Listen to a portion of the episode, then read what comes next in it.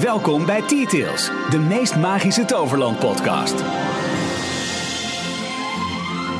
Kijk, we kunnen natuurlijk blijven wachten tot er eindelijk een keer een hijskraan of een gebouw verticaal gaat in Disneyland Parijs. Maar zelfs met die aangekondigde 2 miljard begint ons geduld een klein beetje op te raken. Dus we gooien het vanaf nu over een totaal andere boeg. Details, de Nederlandstalige Disney-podcast, gaat het wat meer lokaal zoeken. We houden het in eigen land. Met trots presenteren wij de nieuwe podcast Details. Hier zijn Ralf, Jorn en Michiel. Jorn, Ralf, welkom. Hey, leuk dat jullie er zijn, heren. Nou, ehm, ja, dit, dit is eh, wel eventjes een, eh, een, een, een, een, een change of scenery. Een dingetje. We kunnen het gewoon allemaal in het Nederlands doen ook. Wat handig. dat is wel lekker, ja. Ehm, Nee, maar, we- maar wat je zegt, eh, Michiel, in je, in je intro. eh 100 afleveringen, iets meer dan 100, het is mooi geweest. Ja, wat toch? kan je er nog over zeggen, joh? Niet zoveel meer. En het is allemaal leuk, maar eh, joh, iedereen schrijft erover, heeft het erover. Onze toegevoegde waarde valt dan een beetje weg, denk ik. Ik denk dat we onze toegevoegde waarde ook altijd heel erg konden vinden in juist dat het Nederlandstalig is. En dat als we dat nog meer lokaal betrekken, dus niet kijken naar een park in, eh, in Parijs of Orlando of Tokio, maar juist kijken binnen de eigen landsgrenzen, dat we nog meer daadkracht hebben en nog meer ja, dat, dat lokale gevoel kunnen vasthouden, wat zo belangrijk is voor een medium als de podcast. Nou, ik ben het wel met je eens eigenlijk. Maar heb je daar een specifiek idee over, eh, Michiel? We heten dus vanaf nu T-Tales en vanaf nu hoor je elke week het laatste nieuws over de ontwikkelingen in Toverland. Hey, nou komt dat even goed uit. Want, eh, kijk, eh, stiekem Michiel, kijk, Jorn en ik zitten ook niet stil. Hè? En wij eh, zijn afgelopen week naar het, eh, naar het prachtige zuiden afgedaald om daar eens een kijkje te gaan nemen. En ons ons laten dompelen in de wereld van Toverland en wat er allemaal gebeurt. En wij spraken daar met, ik wilde zeggen gasten, maar volgens mij waren wij de gasten, Jorn. Ja. Was jij er wel eens geweest? Ik was er nooit Nee. geweest, tot mijn, eh, dat moet ik wel tot, tot, tot mijn schaamte ook. bekennen. Ik ook niet. Dus ik, ik vond het ook... eh, ik voelde me een beetje ongemakkelijk. Want wij zaten meteen aan tafel bij de directrice. Ja, precies. En daar hadden we een leuk en een goed gesprek mee. Goedemorgen Jorn, vanaf een bijzondere locatie in het eh, verre, maar mooie Limburg. In het zuiden van het land. Zeker. Goedemorgen, Ralf. We, eh, waar zijn we? Eh, we zijn in Zevenum. In, ja, in Toverland. Nou ja, en eh, eh, met het schaamrood op mijn kaken, Jorn, ik ben hier nog nooit geweest. Ja, ja, ik ook niet. Nee, ik, eh, ik schaam me ook, ja. Maar we zitten hier niet alleen, want we zijn hier uitgenodigd. En ehm, nou ja, laten we eh, onze gasten, nou niet, wij zijn eigenlijk de gast hier, maar even zichzelf voorstellen. Ehm, goedemorgen, met wie hebben wij het genoegen? Ja, goedemorgen mannen. Met Carolien Kortooms, algemeen directeur van Toverland. En met, Tessa Maassen, de communicatiemanager. En ook nog eens mijn dochter. Dus hoe mooi kun je het hebben? Ja, nou ja, Echt eh, familiebedrijf dus. Ja, maar bijzonder. Ja, Ja, ja, ja. absoluut bijzonder. En we zijn bij eh, Toverland omdat hier dit jaar mooie dingen gaan gebeuren. Eh, Opeens zagen wij een B&M-coaster in Nederland die hier gaat, eh, die hier gaat verschijnen. Een nieuw themagebied. Eh, maar er is meer gebeurd de afgelopen jaren. En wij zijn heel benieuwd of, jongen, hoe is het park hier terechtgekomen? En misschien nog wel belangrijker, waar gaat het naartoe? Want en wij hebben het idee dat hier iets heel bijzonders aan het ontstaan is. Dat eigenlijk onze eh, nou ja, pretpark harten, eh, zou ik zo zeggen, eh, sneller laat kloppen. En, en ehm, ja, onze, onze passie voor thematisatie, verhalen vertellen, enorm, enorm aanwakkert. Maar misschien is het goed als we even, nou, kort ook om onze luisteraars die... ehm, eh, ja, met name met, met ons normale onderwerp zeg maar, eh, bezighouden. eh is er een korte inleiding te geven over, over dit bijzondere park. Ja, eh, ja, wij zijn Toverland, 17 jaar jong. En eh, ik denk wel dat onze magie inderdaad al begint te leven. Als jullie zeggen, we hebben het gevoel dat er iets bijzonders staat te gebeuren hier. Want dat is ook zo. Als je ziet waarbij wij binnen 17 jaar eigenlijk staan, dan zijn we van een starter eh, met één hal. ehm, groeien we eigenlijk binnen 17 jaar naar een volwassen themapark. En daar is heel wat magie voor nodig. En die magie die begint eigenlijk bij mijn oudste broer, Jean Gelissen. Die in 1996 mij op zijn kantoor vroeg en zei van... Lien, ik heb een hele grote wens en ik wil jou vragen of jij met mij wil meedoen. En toen heeft hij me letterlijk eigenlijk uit het onderwijs geplukt. Want ik zei gelijk, ja, ik wil ook met jou meedoen. Ik wil ook een themapark bouwen. Ik wil er vol voor gaan. En wij gaan de wereld echt een stukje mooier maken. En eh, weet je, het duurde nog niet eens eens veel langer dan vijf minuten. Hij vroeg iets. Ik voelde intuïtief, mijn hele lichaam schreeuwde van... ja, dit is, eh, dit is jouw weg. En toen zijn we begonnen. Ja, en waar staan we dan nu? We hebben in 2001 de eerste hal eh, gebouwd. eh, die dusdanig groot is dat er zelfs een achtbaan in loopt. Vervolgens hebben we in 2004 de tweede hal gebouwd, de Magic Forest. Waardoor we gelijk exponentieel konden groeien. En we hadden ook echt in de gaten, is een gat in de markt. Want mensen wisten ons voortdurend te vinden. En met 365 dagen per jaar open, ja, dat is natuurlijk toch een hele mooie formule. Vervolgens knalden we in 2007 naar buiten en hebben we Troy gebouwd. Dat was nog wel even een dingetje, want ik wilde eigenlijk een derde indoorhal. En de grootste indoor van de wereld worden. En mijn broer, die wilde Troy. Nou, het is duidelijk wie er gewonnen heeft gewonnen, ja. Maar laten we heel eerlijk zijn. eh godzijdank, hele mooie keuze, sterke keuze. Met Troy hebben we laten zien, hé, hey, wacht even. Dat is toch niet zomaar heel gewoon wat daar is aan het gebeuren. Nee, want niet. als ik, als ik naar mezelf kijk, ik, eh, toen gingen bij mij echt heel erg de ogen open Ja. van wat, wat gebeurt hier. Dat was al zo met de boosterbike die jullie hebben geopend. Ja, ja. Eh, ik wilde eigenlijk aan Joran vragen of jij dit gesprek anders afmaakt. Dan loop ik eventjes de kant op. Nee, maar, ehm, eh, nee, maar dat, dat, dat Komt was, goed, mannen. Maar dat was al een wereldprimeur. De, de, Ja. eh, want hoe, hoe krijg je zo'n attractie binnen? Want opeens, eh, eh, tenminste bij mij, of ik ook voor jou praat, hoor, maar toen, toen gingen mijn ogen eigenlijk open voor Toverland. En ik van, oké, er wordt Het- even wat bijzonders neergezet. Ja, want het, het is een Vekoma achtbaan, boosterbike. En dat ja. was destijds de allereerste, toch? Het was zelfs een soort ja, was de prototype. allereerste. Ja. Nou, Vekoma is voor ons altijd heel belangrijk geweest. Want toen we, mijn broer en ik besloten, wij gaan een, een pretpark bouwen, een attractiepark bouwen.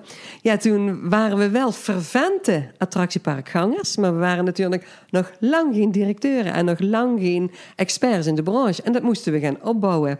En er was geen straf.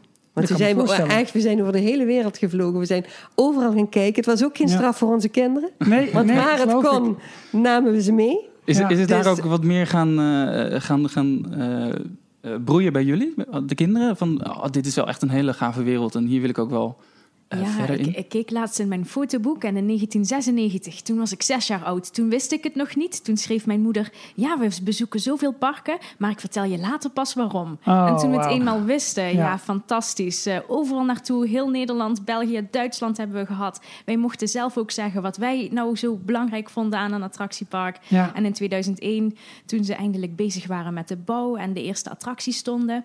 Ik weet nog heel goed dat de allereerste attractie die operationeel was, de zweefmolen was. Ja. We zijn er op een doordeweekse avond, op een schoolavond naartoe gereden. We hebben tien minuten achter elkaar in die zweefmolen gezeten. Misselijk, maar o zo blij. Ja, natuurlijk. Maar wat, hoe, hoe belangrijk. ehm, ik, ik merk dat we nu het draaiboek al verlaten, Ja, hoor. Maar dat maakt helemaal niet uit. Dat, is ook, dat, dat moet ook. Ehm, hoe belangrijk, want jullie hebben je kinderen overal mee naartoe genomen. Hoe belangrijk was dan inderdaad hun mening van de beleving van attracties? Want jullie zijn begonnen hier met het eerste grote gebied, met eh, Toos. Eh, maar echt heel erg dus wel op, op kinderen, Ja, zeg maar. eh, op de eh, basisschoolleeftijd. Ja, precies. Ja, ja. Eh, hoe is dat begonnen? Ehm, toen wij, wij ja, we, we waren op het punt zojuist dat we over de wereld eh, vlogen, reden. eh, eigenlijk als waanzinnige ons de bureaus gingen eigen maken. Een, een prachtige, echt prachtige fase geweest. IAPA natuurlijk, Ja. Orlando, alles bezocht. En eh, wij gingen toen ook zoeken naar partners die ons eventueel konden helpen. En eh Vekoma is natuurlijk, als je hier in Limburg bent en je gaat met, Ja. ehm, je hebt ideeën over een pretpark, dan is dat wel een, een organisatie, daar moet je naartoe. Tuurlijk. Dat is gewoon een, een wereldpartner. Ja. Zij bouwen de mooiste achtbanen over de hele wereld. En eh, daar zijn we toen naar binnen gegaan, redelijk vroeg in het traject. En ik weet nog heel goed dat eh, daar heel wat mensen aankloppen die allemaal informatie willen. En dat toen mijn broer en ik daar aanklopten, dat we toch blijkbaar wel zo'n overtuiging hadden. Dat ze ons wel vanaf het begin heel serieus genomen hebben.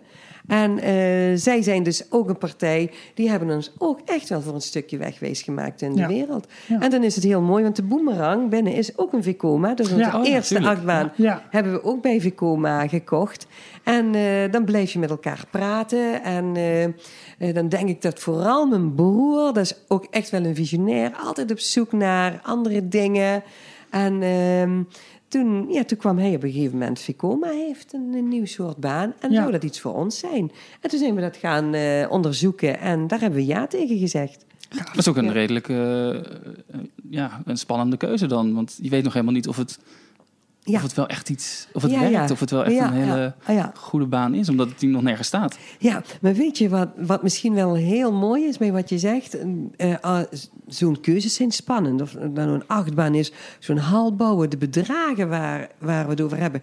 Het gaat gewoon nergens over. Nee, geloof ik. Ja. Werkelijk, het gaat gewoon nergens over. Maar dat is, godzijdank, is dat ondergeschikt aan ons diepe weten, een diepe intuïtie, een diep gevoel wanneer iets goed is. En Ja. als iets goed is, dan gaan we ervoor. Nou, dat mooi, dat lees ik eigenlijk en dat, dat, dat merk ik ook. Het gaat zo ontzettend over het gevoel, dit, dit, dit park of deze beleving.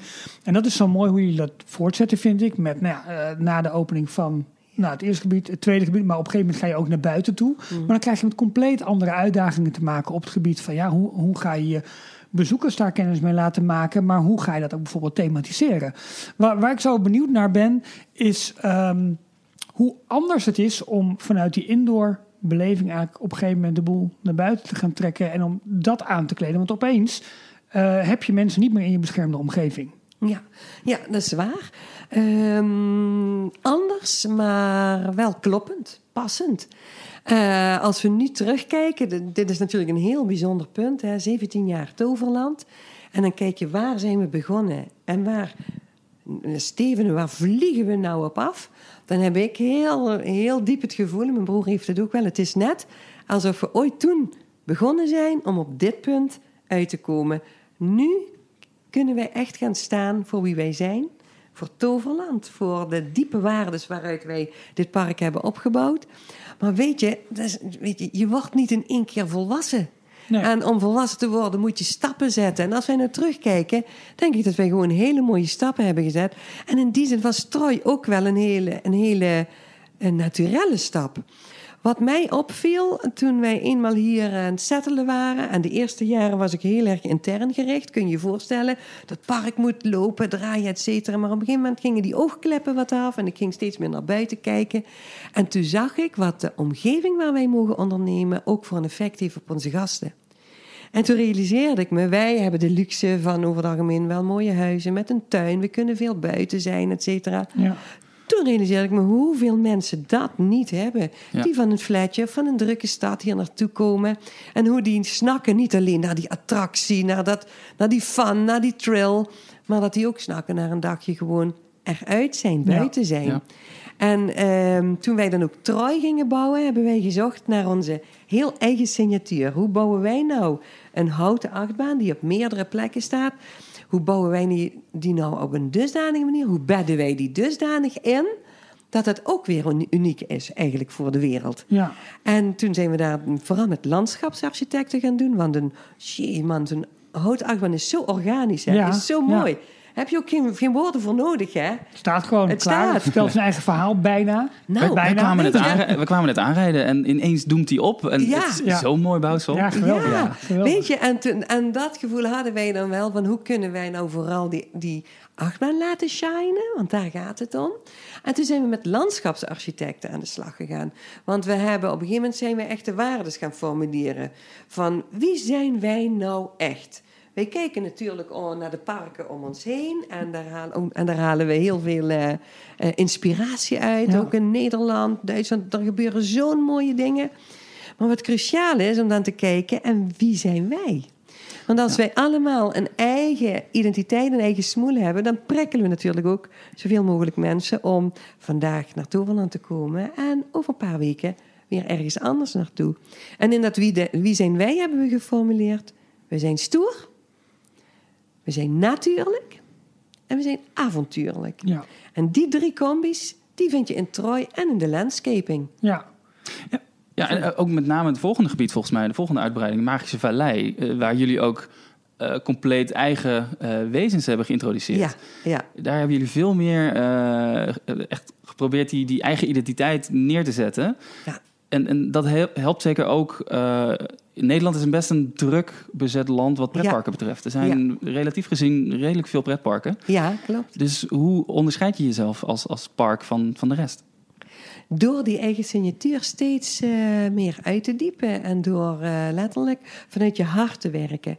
Jullie constateerden net al, jullie doen veel met het gevoel. Ja, dat doen wij ook.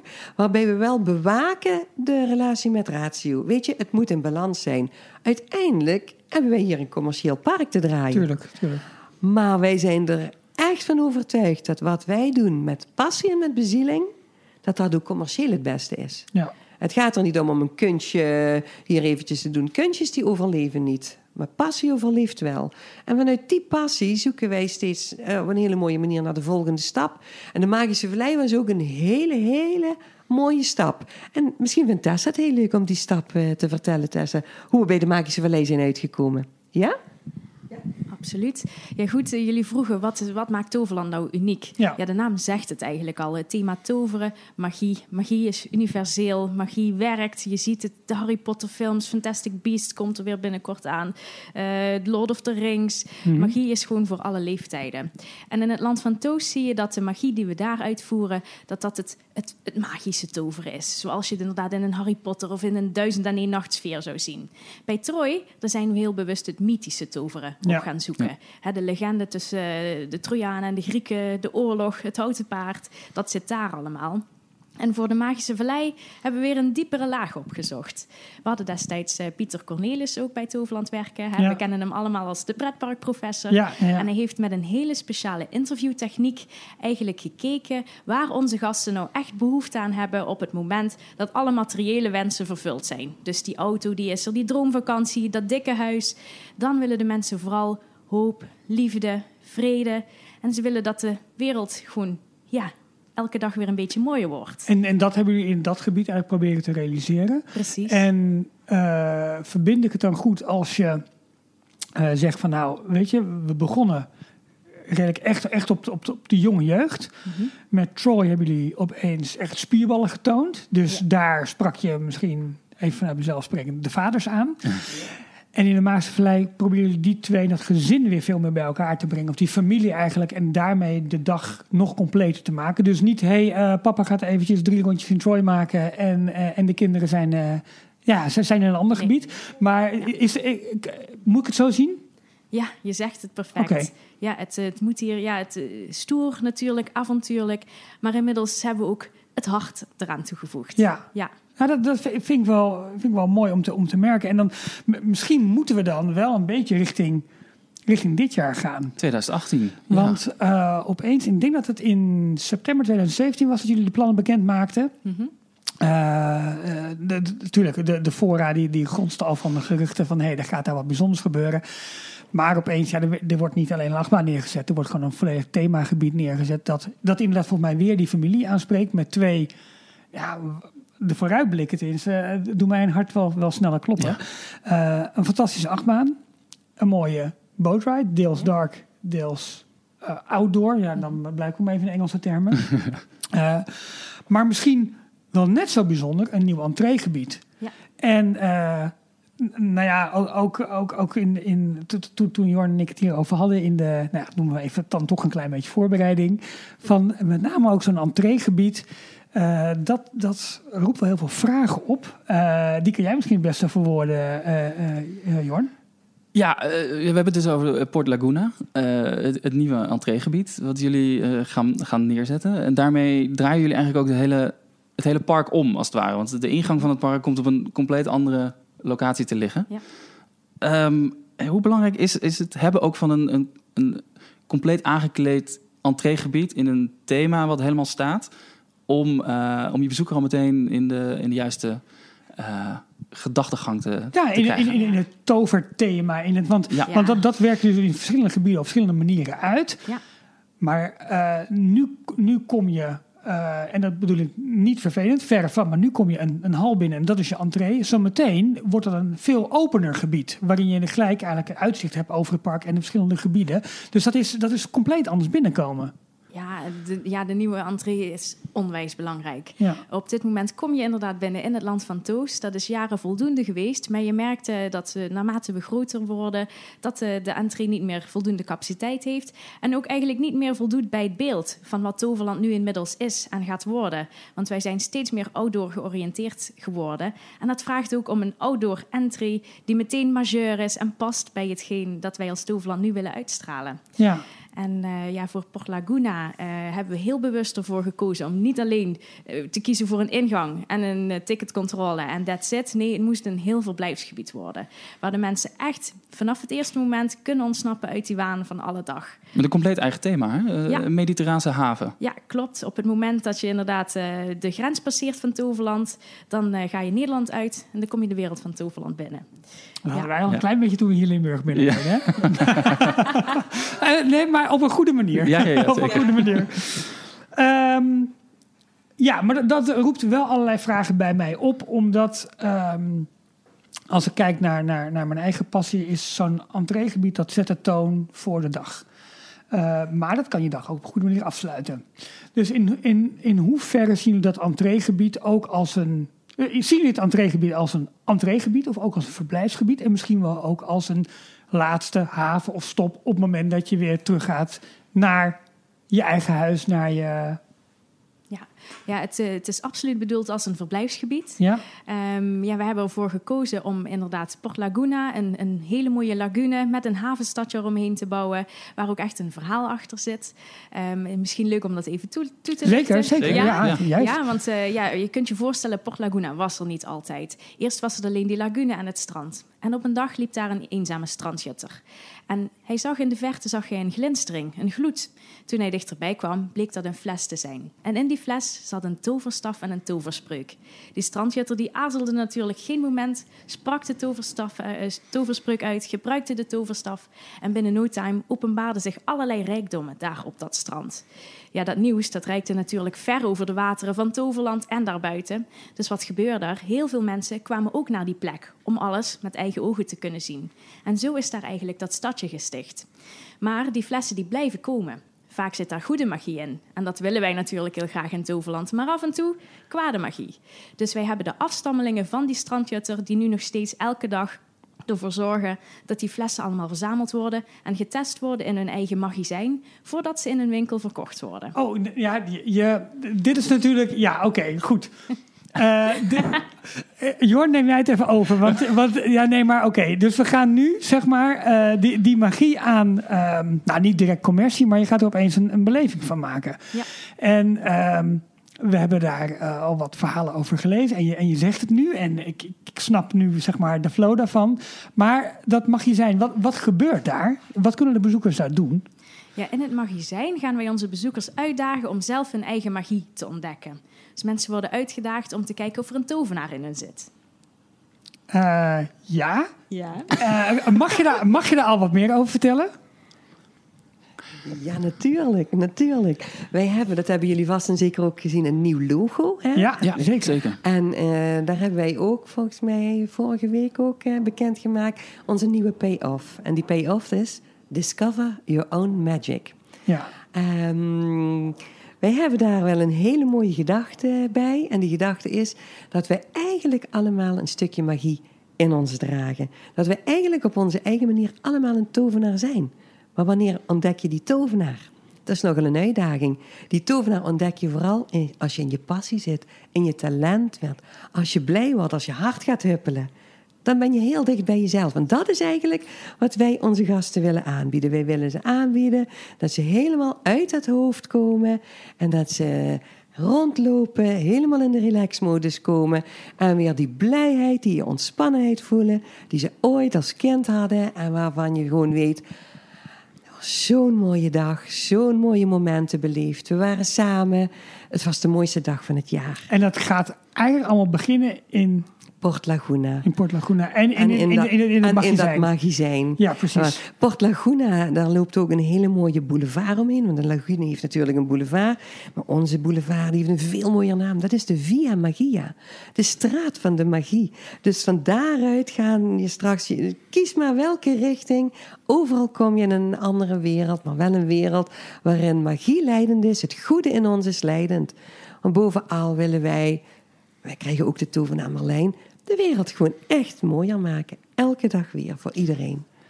Er is natuurlijk ook een enorme eyecatcher die eh, onderdeel wordt van, van een nieuwe entreegebied. Ja? Dat is eh, de, de vuurtoren ja, Solaris. Solaris, ja. Ja, Ja, vertel eh, iets meer daarover. Wat, eh, wordt dat een nieuw icoon voor het park bijvoorbeeld? ja, ik denk dat we wel een aantal iconen hebben. Je ziet dat iconen heel vaak, dat zijn de hoge dingen in een park. ja, de weenies, ja. waar je vanzelf naartoe gaat. Waar je naartoe getrokken dan, wordt. eh, dan zal Troy altijd een, eh, een icoon blijven. En eh, Phoenix, dat zal er ook een, eh, een, een kanjer van een icoon worden. En ook de toren van Marlijn.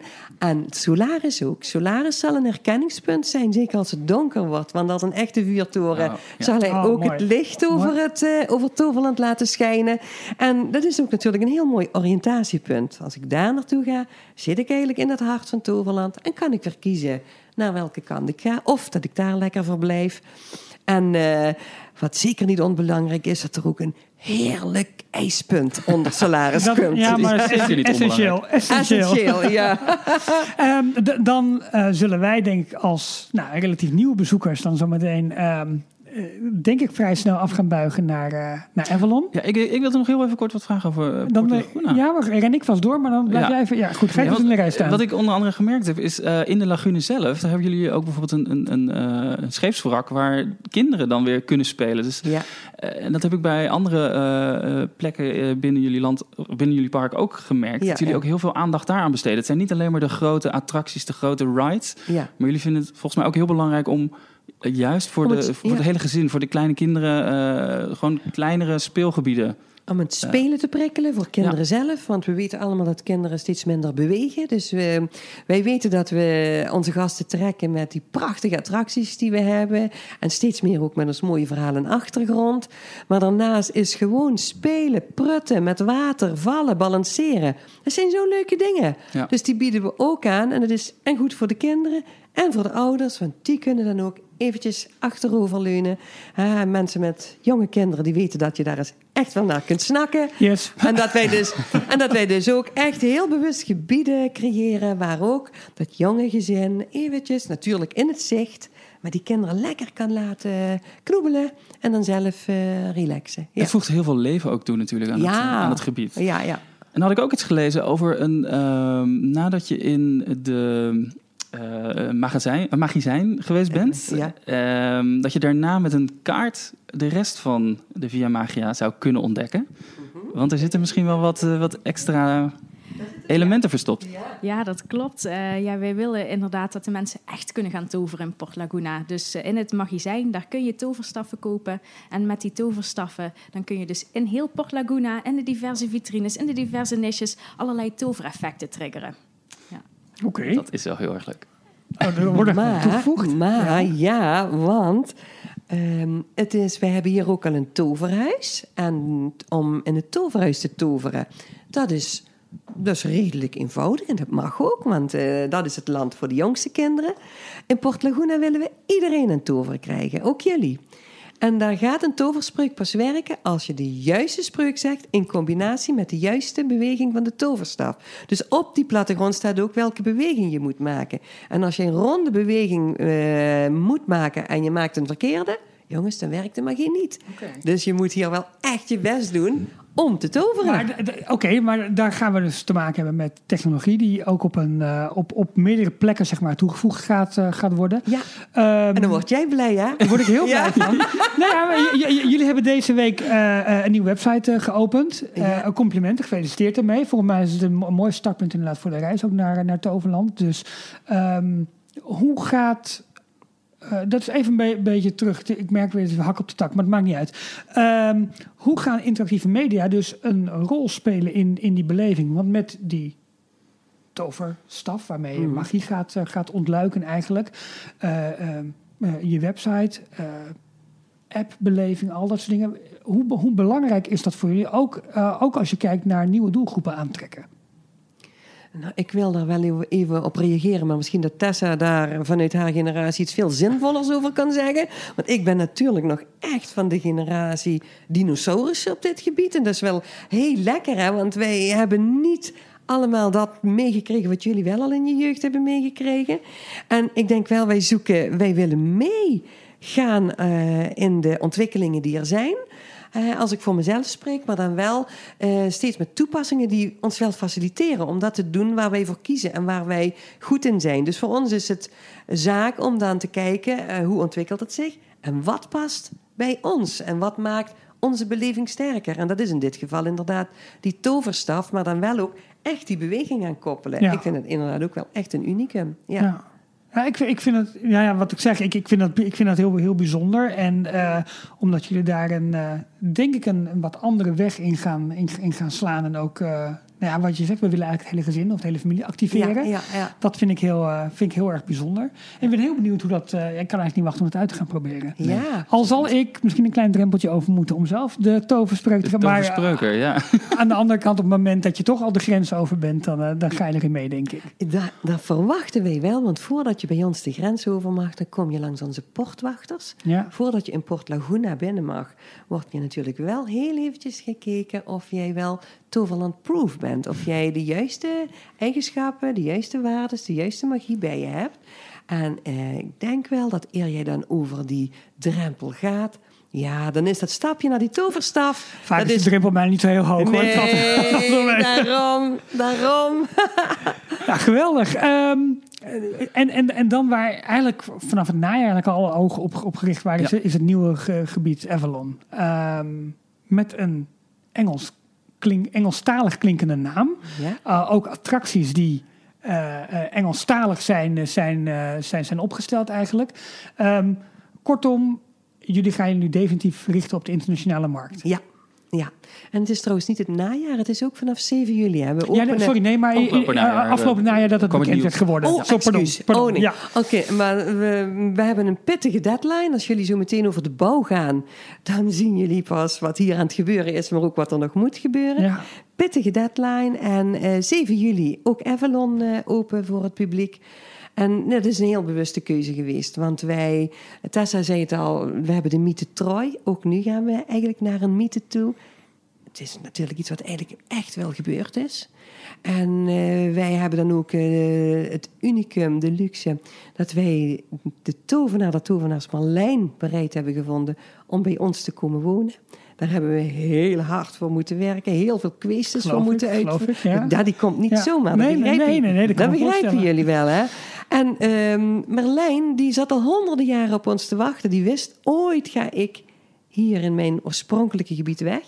En die heeft dan eens een paar eisen gesteld. En hij zei ook, ik wist dat ik naar jullie toe zou komen. Maar voordat ik kom, moeten er wel een aantal gebeuren. En een van die dingen is, dan wil ik wel in een gebied wonen...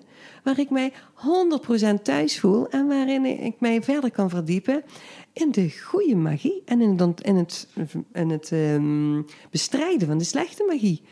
En zijn voorwaarde was dus, dan moet er wel Avalon gebouwd worden. Want dat is mijn wereld, daar voel ik me thuis. Dus eerlijk gezegd, deze keuze is door Marlijn ingegeven. En dan zeg je geen nee. Nee, dat kan me voorstellen. Ja, Nee. Maar, maar Marlijn is nog steeds op zoek naar iets, toch? Eh, wat hij hier kan vinden. De bron van het eeuwige nog, leven. de bron van het... Tjie, Jan, je bent wel goed. eh, ja, en hij blijft, en die, en die, hij blijft zoeken. En, hij, en zelfs als hij die gevonden heeft, zal hij steeds blijven zoeken. Want dat is wat een echte magier doet, hè. Het is nooit klaar, het leven. Ja. Het gaat steeds door. Het, ehm, het, het, het gebied kenmerkt ook voor jullie de introductie van eh, nieuwe type attracties. Ja? Eh, opeens laten jullie denk ik de droom van alle achtbaanliefhebbers in vervulling gaan door een, eh een BNM, een Bollinger en Mabelaar, eh achtbaan hier neer te zetten. Mhm. en, niet, en, niet, en niet zomaar één. Ik merk dat jullie in de communicatie heel erg dit ook als een, als een, een achtbaan met alle specificaties, zeg maar. Een aantal inversies, de lengte, eh, wat voor soort, eh, soort coaster is het. Ehm, ja, op die manier zeg maar aan de man proberen te brengen. Dat, dat, dat klinkt, nee, dat klinkt wat, eh, wat vervelend, maar je begrijpt denk ik wat ik bedoel. Op, Ja. op die manier proberen te marketen, dat is een mooi ja, woord. tuurlijk. Ehm, Is dat een bewuste keuze om achtbaanliefhebbers ook deze kant op te krijgen? Want inmiddels hebben jullie met de boosterbike, met Troy, zometeen met Phoenix. Mm. Wel echt een mooie collectie inmiddels. Ja, ja. Ehm, ja, het is zeker een bewuste keuze. Want ehm, ja, ook dat. We hebben natuurlijk wel ook een commerciële doelstelling. En dat is dat we datgene wat we doen, dat dat rendeert. Tuurlijk. En dat we daardoor ook die buffer uitbouwen, opbouwen om steeds, ja, om steeds te blijven uitbreiden. Want het is wel, we zijn nog lang niet klaar. We hadden het voor het gesprek even over Amerika. Er is nog zoveel mogelijk. Er is nog Ja. zoveel moois naar Nederland te brengen. Dus eh, onze lange termijn visie, daar, eh, daar zitten nog heel veel cadeautjes in verpakt. Ja, en dan is het wel zeker een keuze om in eh, de profilering van zo'n achtbaan ook wel te laten zien waar we voor staan, hoe groot die is. Maar het is ook een. ehm, eh, wij vragen natuurlijk ook regelmatig aan onze gasten van eh, ah, wat zouden jullie nog wensen in Toverland? En dan is een achtbaan met inversies, dat, is, dat wordt al zo lang geroepen. Ja. Dat is iets wat mensen echt graag willen. Ja, en dan nemen wij dat wel mee in onze afwegingen. Ja, maar dan nog, dan kun je zeggen van nou goed, dan gaan we een achtbaan bouwen met inversies. Ja. Of je kunt een BNM, BNM. bouwen. Het is wel gelijk zeg maar, oké, eh, Top of prima. the line, eh. Dan gaan we gewoon, gewoon gelijk volle bak. Ja. Nee, goed. Hier moet ik echt bovenal mijn, mijn broer eh, de credits voor geven. Want eh, ik ben daar nog wel geneigd, eh, genegen om een beetje zuiniger te zijn. Ja? Maar het is iemand waarvan het hart, eh, van alles wat rijdt. En eh, ja, dan, daar gaat mijn broers hart echt sneller van knoppen. Net zoals Nou, hij daar ook jij, Ralf, denk ik wel goed Ja. mee, mee Ja. ja, dan maak maar eens Ja. kennis met elkaar. Want ook hij heeft Troy echt... Hij hij is de wereld over gegaan om elementen van, van de achtbaan van Great Coasters te pakken. En Ja. daar die unieke uit samen te stellen. En dat is nu dan ook weer, als wij dan toch ergens voor gaan... en we hebben zo die specs een beetje van dit moet het ongeveer gaan worden. En dan, ja, dan B&M, ja nou, daar spraken we hier ook al heel, heel lang over... En eh, toen hebben we toch maar besloten, weet je, dit is het moment. Ja. Want als wij echt willen staan voor kwaliteit en we willen een vliegervaring bieden, want dat is natuurlijk hè, een wingcoaster, je gaat vliegen, ja, dan, dan moet het die B&M zijn. Ja, kijk, wij, wij bevinden ons veel, eh, met name ook online, op gebieden waar natuurlijk veel eh pretpark, achtbaan fanaten zitten. Als je ook merkt hoe dat is ontvangen, Ja. Ja. eh, grote ogen en bewijs. Ik denk dat hier, eh, eh, want het gaat 7 juli open, ja, dat hier vanaf 1 juli de tentjes voor de deur worden opgeslagen. dat kan bijna niet. dat zou heel leuk zijn. Ja, toch? Dat zou echt maar, heel maar leuk is er zijn. nog een, want, want ook het hele, want je had het net even over de landscaping bij Troy, maar die wordt in Avalon natuurlijk Ja. fantastisch. De landscaping van Troy die is toen zo waanzinnig goed ontvangen. Dat was, eh, je ziet dat we, maar vooral met de natuur zelf en daar elementen toevoegen, heel veel doen. Ook het geaccidenteerde. Het is een heel spannend gebied. Eh waren we ook bijzonder trots, want binnen een maand na opening waren er mensen uit Disney Amerika hier. Om te kijken hoe wij die landscaping. wauw. Dus dat was wel. Ah, geweldig. Dat vonden we wel heel mooi. En toen hebben we. Eh, bevestiging inderdaad. dat het goed zit. ja, en dan zie je in de Magische Vallei, doen we daar nog een schepje bovenop. Daar, eh, het feit dat wij, want hier, hier zijn amper valleien in Nederland. Ja. De meeste mensen die, of de meeste parken bouwen een, ehm, een eh, hoe heet die, een, een, een rapid river. Ja. Die bouwen ze in de grond. En wij hebben Ja. het omgekeerd. Wij hebben hem omhoog gebracht, zodat er een vallei ontstond. Zodat wij ook weer iets heel anders konden presenteren. En dat doen we nu weer bij Avalon, maar ook bij Port Laguna. Dan is landscaping, beplanting, is heel, ja, is heel belangrijk. Vooral ook omdat naast allemaal dat... We zeggen eigenlijk, naast allemaal die hardware... is de hardware ook heel Ja. belangrijk. En natuur. Mogen hardware. we, mogen we vragen hoe eh, investeringen zich verhouden als je puur kijkt naar de hardware, dus Ja. hè, de achtbaan en bijvoorbeeld die landscaping? Want voor mij, het is leuk hoor om een achtbaan in een, in een, in een knollenveld te zetten, maar dan ben je er niet. Juist die omgeving, eh, het, het verhaal natuurlijk ook, maar dat laat je op meerdere manieren. Ehm, maar kun- kun je daar iets over? Ik hoef, ja, Nou, ik kan wel een, een, een inschatting geven. Dat is wel een, een, een inschatting. Ik weet dat er parken zijn, daar is dat ongeveer 50-50. Ja. Dat vinden wij best heftig. Ja. Ja, want, en daarom, wij zitten denk ik op twee derde, een derde. Twee derde, dus eh, echte hardware, de attracties, et cetera. En een derde, oeh, ja, zit ik... Ja, ja. Ja, maar, ja, ja. Ik denk dat we, dat we daar in elk geval naar streven om daarin... Want als je al gewoon kijkt wat zo'n Avalon kost, of zo'n eh, Phoenix kost... Ja. Wow. Nee, maar ik heb toch nog verkeerd gezegd. Nu ik me ben aan het realiseren en ik zie eventjes een aantal tabellen door mijn ogen. Ja, ja, ja, ja. Ik denk niet dat het de toch- 33, 66 is, maar eerder dat het dan eh 60, 40 al is. Dat Ja, je ja. toch... eh, Ja. Iets meer voor de moet je- thematisatie bij, eh, ja, ja, ja, ja. Maar het is ook eh, nu jullie streven om niet meer eh, simpelweg een achtbaan zo neer te zetten. Er, er moet meteen een heel Ja. eh, themagebied Dat omheen. hebben, En- we, dat hebben we alleen in 2001 gedaan. Bij de eerste haalder zag je nog, daar was het nog redelijk sober. En dat was puur, dat was toen al een investering van 19 miljoen gulden. Weet je, eh, kijk knap dat we die überhaupt bij elkaar hadden. En er was niet de luxe om daar ook al thematisering bij te doen. Maar dat hebben, dat hebben we altijd voor ogen gehad. Weet je, we gaan dat stap voor stap doen. En nu is het niet meer, als we het niet 100% goed kunnen doen, doen we het niet. En jullie hebben dus, ook een eh, eigen ontwerpafdeling eh, Ja. in huis. Ja, ja, die zitten heel dicht hierbij. Ja. ja, ja. Ja, heel mooi. Eigen Imagineers. Ja, we moeten Ja. het alleen nog even, want eh, ja, eh, de achtbaan, ook prachtig. Maar eh Merlin's Quest, Ja. daar ben ik heel benieuwd naar. Want opeens ga je een Dark Ride toevoegen aan je nou ja, assortiment. Klinkt zo, eh, klinkt zo, klinkt, klinkt zo winkelachtig. Ja. Maar aan jullie eh, portfolio. Precies, ja. Ook, ook het toevoegen van een dark ride was voor ons natuurlijk al een hele grote wens, al heel erg lang. Want een dark ride die geeft ons het gevoel om in een ja, gecontroleerde omgeving de beleving zo optimaal mogelijk te maken. En je kunt je voorstellen dat als wij een dark ride gedeelte hebben waar mensen op zoek gaan naar de bron van het eeuwig leven, naar Terna nog, dat het heel erg magisch gaat zijn. Ja. Ja. Kun, je, kun je ons een klein beetje meenemen wat we gaan zien in die Dark Ride scènes? Want we hebben, eh dit hebben jullie ongetwijfeld ook gezien. Er zijn nog fans geweest die hebben de hele, het hele themagebied in, in, in allerlei programma's Ja, al tot leven gebracht. En Ja. eh, dat je ook denkt van oké, nou, ik denk dat je hier als park denk heel blij mee moet zijn. Misschien hebben ze niet alle details juist, dat is alleen maar leuk.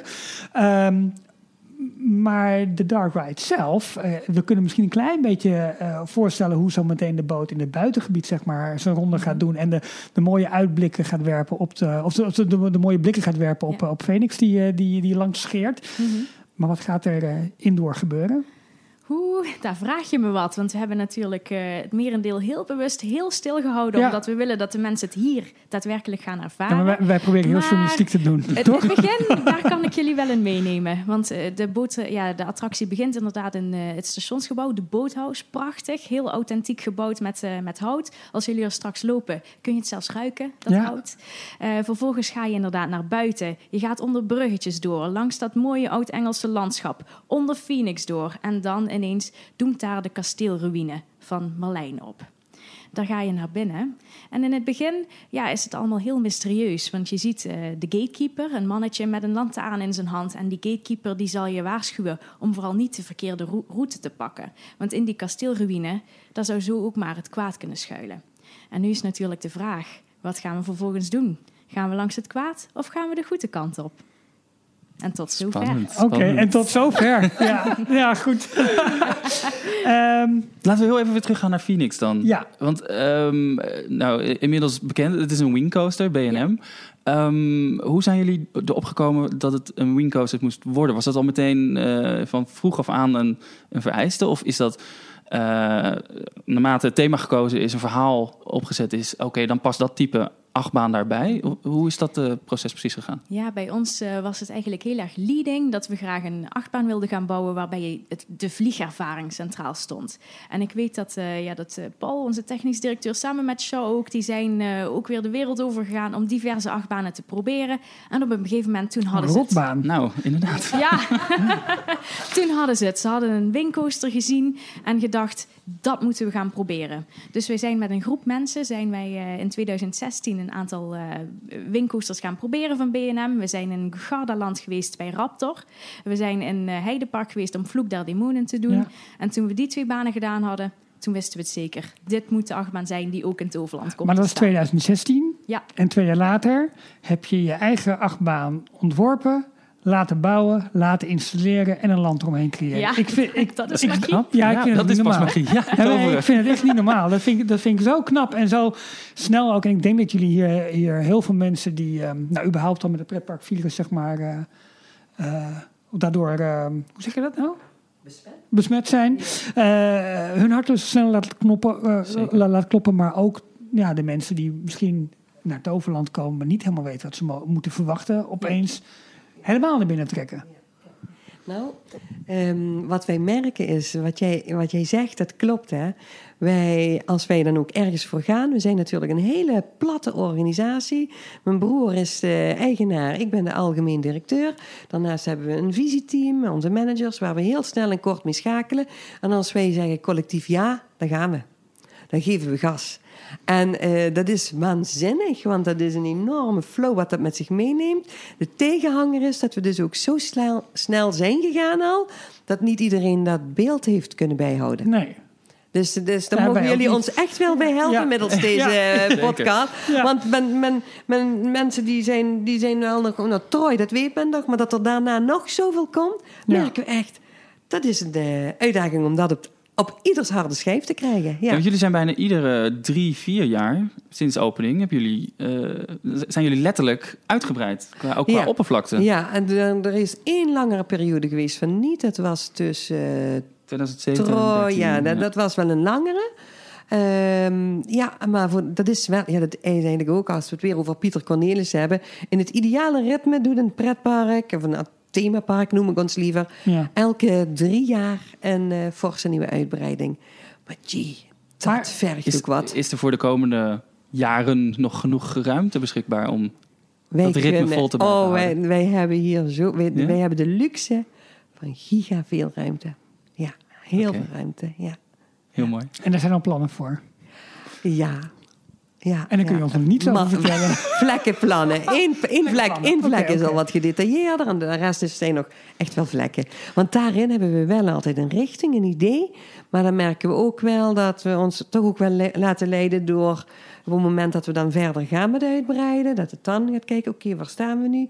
Was dat inderdaad nog het beste idee? Zijn er andere trends, andere ontwikkelingen? Zijn we zelf over dingen anders gaan denken? En dan gaan we het definitief maken.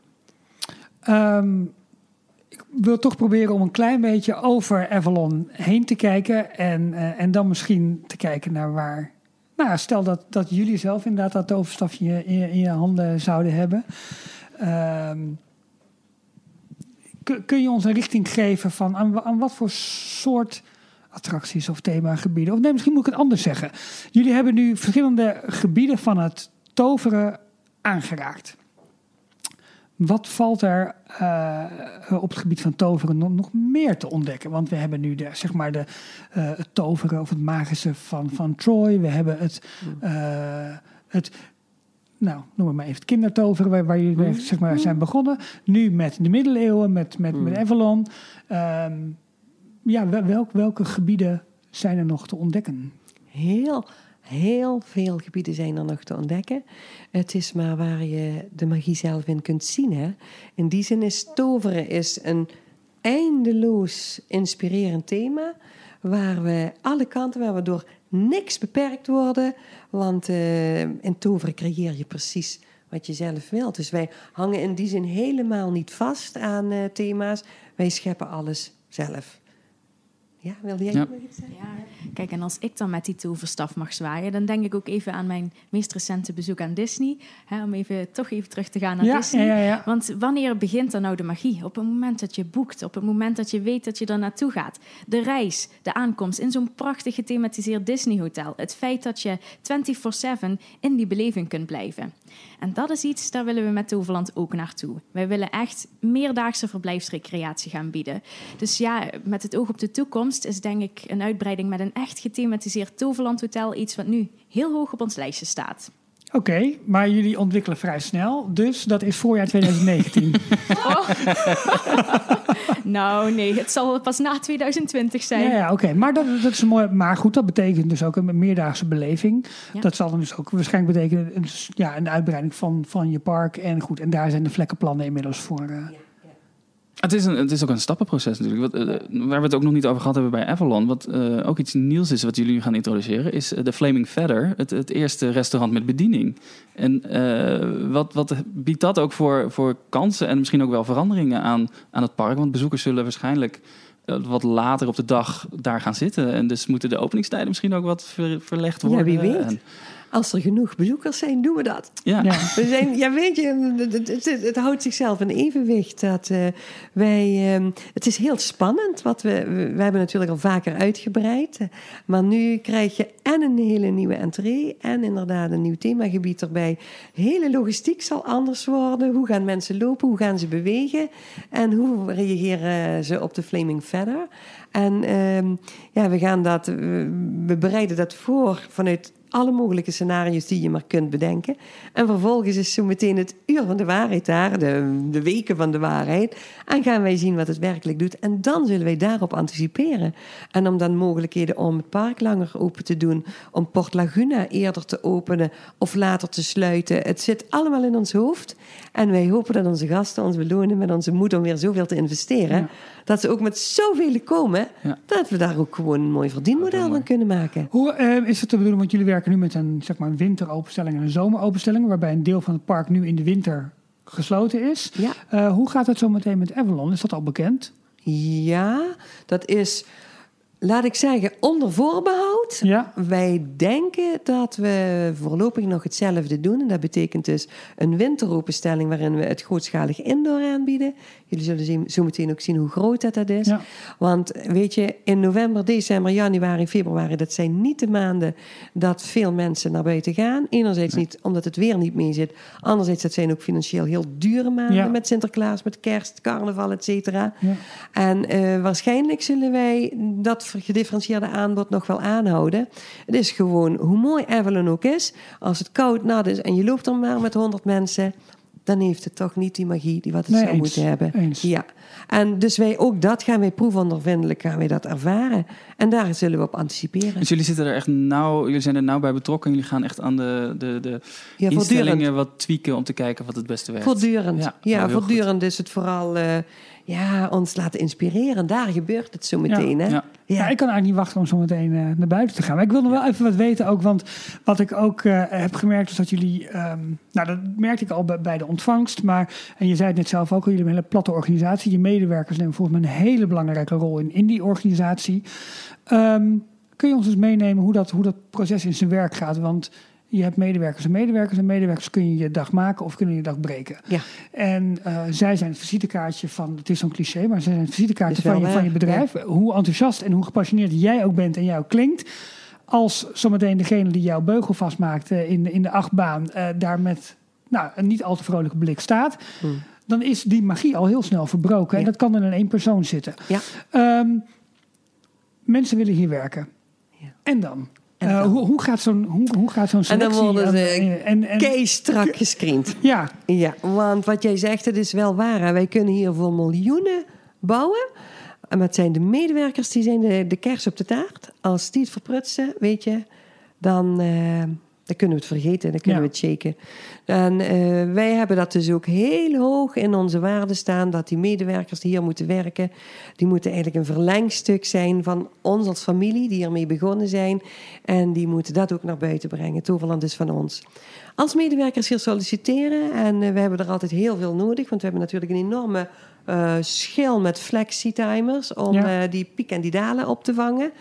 Dan moeten ze eerst al een, eh, een pittig sollicitatieformulier invullen waar een eerste screening wordt gedaan. Diegenen wat daaruit komen, die worden dan hier tijdens speeddates, want het gaat altijd over Oh ja. honderden medewerkers, worden daar al een eerste eh, kennismaking, een eerste gevoel. En vanuit die speeddates worden dan mensen uitgenodigd voor de volgende stap, de volgende eh, ja, ontdekkingstocht, zullen we maar zeggen, van matchen wij, hebben wij een goede match. Wat je daar ziet is, we hebben een visie en die visie is gelukservaringen creëren. Eh, een visie is voor ons iets, eh, ja, een visie is een beeld. Hè? Als je een Ja. visie hebt, dan heb je een beeld. En ons beeld is dat al onze medewerkers weten, wij moeten hier gelukservaringen creëren. Ik moet eigenlijk misschien zeggen mogen, nee, moeten. Als je dat niet echt iets voelt wat uit jezelf komt, dan gaat het hier al niet werken.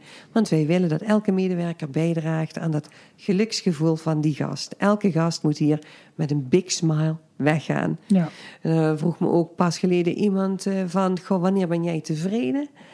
Eh, straks als er iemand open is, wanneer ben je tevreden? En toen heb ik gezegd, als ik dan ga ik achter een boompje staan aan de, aan de uitgang, zou ik maar zeggen, waar niemand me kan zien. En waar ik dan ga kijken wat, er, wat de gezichten van de mensen me zeggen. Zijn ze blij? Zijn ze ontspannen? Ehm, vinden ze het jammer dat ze weg moeten gaan? Hebben we ze geraakt? Zitten ze in de juiste moed? Daar zien wij of wij het goed hebben gedaan. Ja. En daar bij dat laatste moment. En hebben jullie dan ook een hele, hele aparte training ingericht voor die mensen? Ja, dat doen we. En eh, ik moet inderdaad eventjes terug. Wij willen gelukservaring creëren. Je moet dus hier komen werken als dat iets is wat je uit jezelf graag doet. Ja. Dat kun je. Mag nooit een kuntje zijn. Authenticiteit. Dat moet uit jezelf komen. Ieder doet dat op zijn eigen manier. Wij gaan dus niet voor de tandpasta laag van de Amerikanen. Terwijl ik daar echt niet zo'n moeite mee heb als ik daar ben. Want het past bij die cultuur. Maar hier, uit zichzelf, uit, eh, uit authenticiteit. En daaronder zien jullie drie hoofdwoorden. Onderdompelen, overtreffen en eigenaarschap. En wij vragen onze medewerkers om onze gasten onder te dompelen. En dan als in een warm bad. Dat ze zich heel welkom en gezien voelen. Vervolgens vragen we om hun verwachtingen te overtreffen. Van kijk naar die gast, wat verwacht hij wat kan ik nou doen om hem echt te raken. Maar we vragen tegelijkertijd ook om dat vanuit eigenaarschap te doen. Want ja, we zijn inderdaad wel ook die commerciële organisatie en we moeten wel slimme dingen doen. Blijf daarin die balans zoeken tussen wat is goed voor de gast, maar wat is ook nog goed voor Toverland. In hoeverre krijgen medewerkers de ruimte om een beleving die al magisch is, om die nog te overtreffen door net even die stap extra te maken? Ja. Dat, nou, ik noem maar even een voorbeeld, dat als een, ui, een ijsje uit de hand van een kind valt, om daar een nieuw ijsje voor te doen. En weet je, je broertje krijgt er ook een. Dat soort dingen, dat, dat, dat, dat vind ik. eh, eh, nou ja, nou ja, Ja. dat is, dat is Ja, overtreffen. je, Ja, je noemde een perfect voorbeeld. Zo is inderdaad eh, als wij willen dat de medewerkers zijn. ja. En ook eh, op deze dagen in het winterseizoen, dan is het wat rustiger. Dus op het moment dat wij merken dat we een jarige Job in het park hebben, dan wordt dat over de portofoon verteld aan alle Nou, attractiemedewerkers, fantastisch. zodat zij Ja. allemaal die persoon kunnen feliciteren. ja, Ja, En dat maakt het verschil. mooi. zeker. Ehm, we hebben nog één, eh, eh, want eh, eh, we hebben het al kort even gehad. Een nieuwe website, nieuw huisstijl, maar bijvoorbeeld ook nieuwe kleding voor jullie medewerkers, wat, daar, wat eraan zit te komen. Eh, dat is in je communicatie natuurlijk belangrijk, in je identificatie, in je verschillende thema, themagebieden. Ehm, maar dat lijkt me ook nog wel een stap, want het is leuk, één blouseje kopen, maar het gaat over iets meer mensen. Oh ja, het was een heel project om de juiste personeelskleding te gaan ontwikkelen. Ik was daar zelf wat minder bij betrokken, Carlien iets meer. Ja, dat- ik vond het echt heel pittig. Ik, vond, ik ben ooit zelf begonnen met het idee hier met lekker die paarse polo's Ja. en frisse eh, gele thee erop. Dat heeft ook jaren goed gefunctioneerd. Het was natuurlijk heel pragmatisch, maar dat is niet meer, dat staat niet meer voor de volwassenheid waar Toverland nu wil staan en die professionaliteit. Gelukkig hebben we eh, een nicht van ons, dus ook van de familie, die heeft dat project, Janou heeft dat project helemaal getrokken. Die kreeg er soms eh, echt wel van, wow, wat is dit gecompliceerd? Want je wil iets wat bij je past, je wil iets wat eh, voor de medewerkers aangenaam is om te werken. Je wil een, een uitstraling en een look en feel waar ook bepaalde hiërarchieën en bepaalde afdelingen in zitten. Maar een paar weken geleden heeft ze de punt kunnen zetten, was het rond en eh, ja, is de opdracht geplaatst. En in hoeverre moet je daar dan nog rekening houden met, rekening houden met allerlei veiligheidsaspecten? Want ja, mensen die bedienen wel Ja. grote machines en apparaten en dat soort zaken. Ja, zeker. Maar daarom werken we ook eh, met een eh, bedrijf samen wat eh, deze branche heel goed kent en wat Ja. weet waar ze aan moeten voldoen. Ja, Dus daar Ja. hebben jullie ook, ook ex- externe expertise voor. ja zeker. Ja, nou ja, dat is. eh, we, we doen heel veel zelf. Dat vinden we ook heel leuk. Maar we weten ook heel goed wat we niet zelf moeten doen. Goed. Ja. Nou, ehm, eh, op jullie website staat ook dat jullie ambitie 1 miljoen bezoekers eh, trekken. Dat dat jullie ambitie is. Mhm. Eh, wanneer verwachten jullie zelf dat jullie het gaan halen? Oeh, nou nog niet dit jaar. Nee? Nee, dit jaar nog niet. Eh, we zitten nu rond de 700.000 bezoekers. En we openen natuurlijk pas in juli de nieuwe gebieden. Dus Maar als al onze luisteraars komen, Tuurlijk. dan is Ja. het oktober is het eh vet accompli. nou, geweldig. Graag. nee, maar, maar dat zal dan 2019, 2020, die grens zal dan gepasseerd moeten worden. Ja, heel graag. Oké. En zit er een rek in de, in de ambitie? Ja, Wat wordt de u- volgende? Uiteraard. Eh, Kijk, uiteindelijk eh, kunnen wij ja, zeker 95 hectare groot worden. En dadelijk met de uitbreiding erbij zijn we ongeveer 20 hectare groot, denk ik. Alleen Zo. qua parkoppervlak. Ehm, en ja, aan welke bezoekersaantallen moet je dan denken? Ja, zeker 3,5 miljoen. Maar ja, misschien nog wel veel meer. We willen wat dat betreft ons niet aan één cijfer vastpinnen, maar het gewoon open laten. En hoe is de, de verhouding met internationale bezoekers? Eh, die is heel goed. Eh, ik denk dat je kunt zeggen dat we nu twee derde Nederlandstalige bezoekers hebben en een derde buitenlands. Oké. En, willen jullie dat in die verhouding houden? Of zeg je van nee, om te groeien hebben we dat internationale publiek meer en meer nodig? Ja, we hebben zeker steeds meer focus op het buitenland. Eh, daarom ook die nieuwe website, die is nu ook viertalig. Ja. Eh, ook voor het eerst eh, Frans. Eh, want ook in België en Wallonië, daar is natuurlijk een heel mooi bereik voor ons. Ja. Tuurlijk. En Duitsland, ja. En Duitsland is heel interessant voor ons. Ja, Dat is voor dicht bij de grens natuurlijk. Ja. Ja. Ja, ja. Ehm, ik, ga, ik, ik wil naar buiten. Ik wil Johan. ook naar buiten. Ja. Ja. Eh, heel erg bedankt voor deze. Nou, ten eerste voor het stuk geschiedenis, maar ook dat jullie ons mee hebben, mee hebben genomen. eh, nou ja, in jullie dromen en ook de dromen naar de toekomst.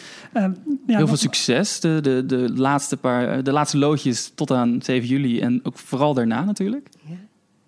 Ja, en dan gaan wij ook wat zeggen. Mag ik dan ook jullie bedankt dat jullie eh, op 1 april zoiets bijzonders met eh, Toverland doen.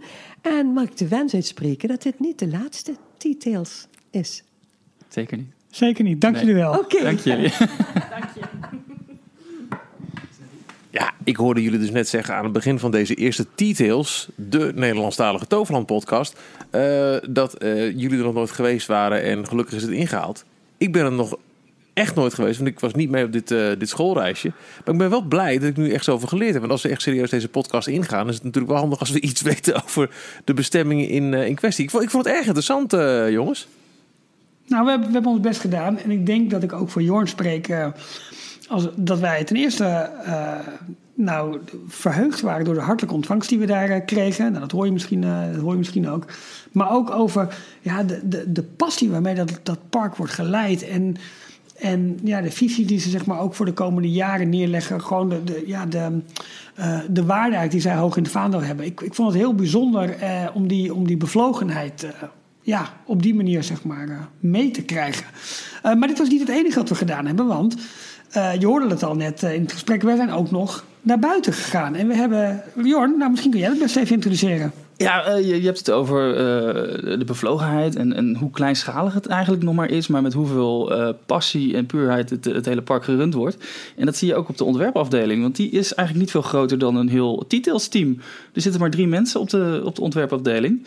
En door twee derde van, van het team zijn wij door het hele park geleid en hebben een rondleiding gekregen.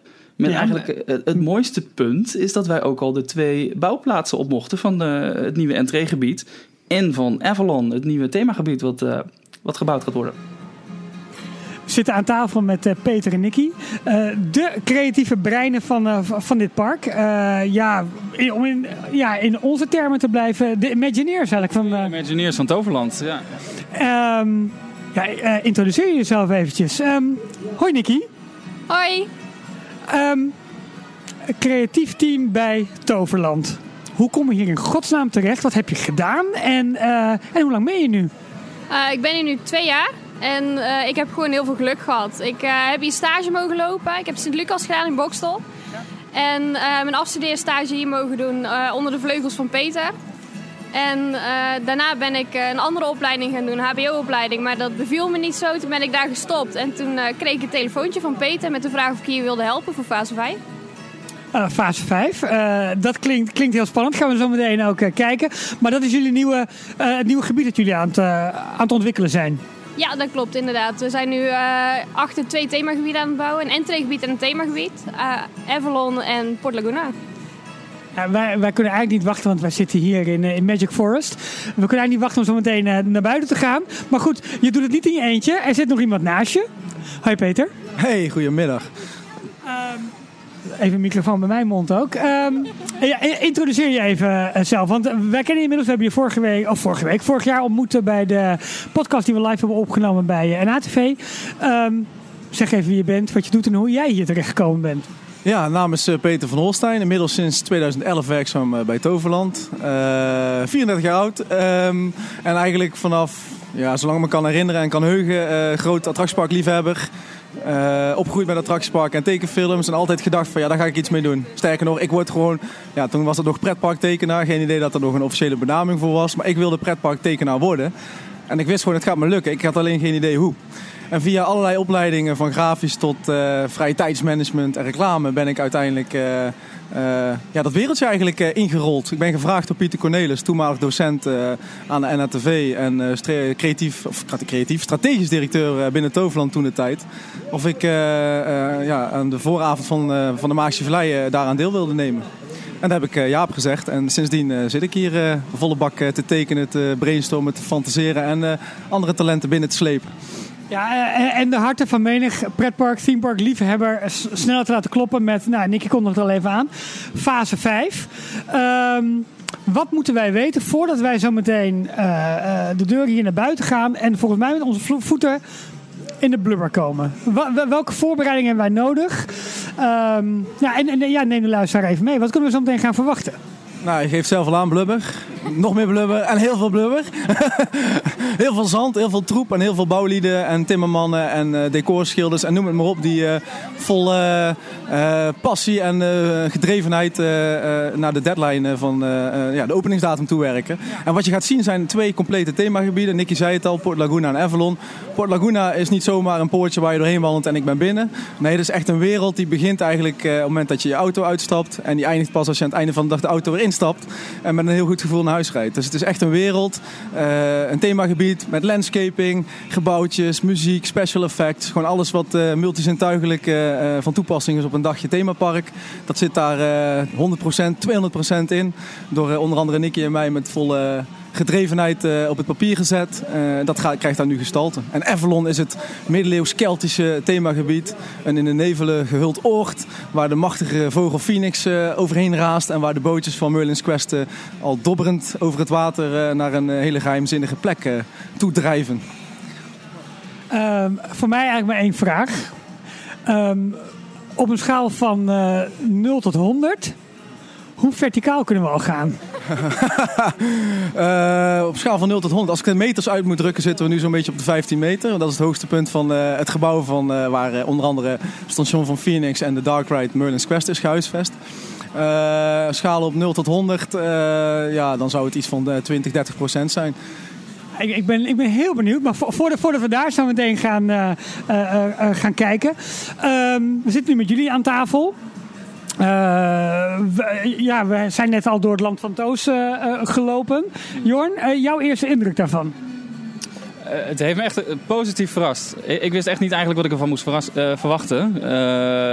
ik had natuurlijk de, de, de hal wel eens van buiten gezien op foto's. ik was er nog nooit zelf geweest. Ik had foto's van binnen gezien, maar als je er eenmaal zelf doorheen loopt... Ja, vooral hier, de, ja, Magic Forest met de, de, de bobbaan. Uh, de blitzbaan. Oh, de blitzbaan. Ik moet, ik moet echt nog wennen, ik moet alle namen nog leren kennen. We zijn net even door Peter meegenomen in, uh, in de wachtrij daarvan. En uh, als je ziet wat voor aankleding die wachtrij heeft gekregen en, en gewoon de hele attractie. Dat is wel een. nou, wat, wat, wat, mij verbaast, de, de, de ride vehicle zeg maar, van, de, ja, van de baan. Jorn, dat moet jou ook aanspreken, want dat doet in alles denken aan. Steampunk. Aan Steampunk, ja, precies. Echt fantastisch. Het ziet er echt heel erg goed uit. Hij gaat, heb ik begrepen, om er uh, vandaag wel iets eerder dicht. Dus ik weet niet of wij nog een rondje kunnen maken, maar dat gaan we zien.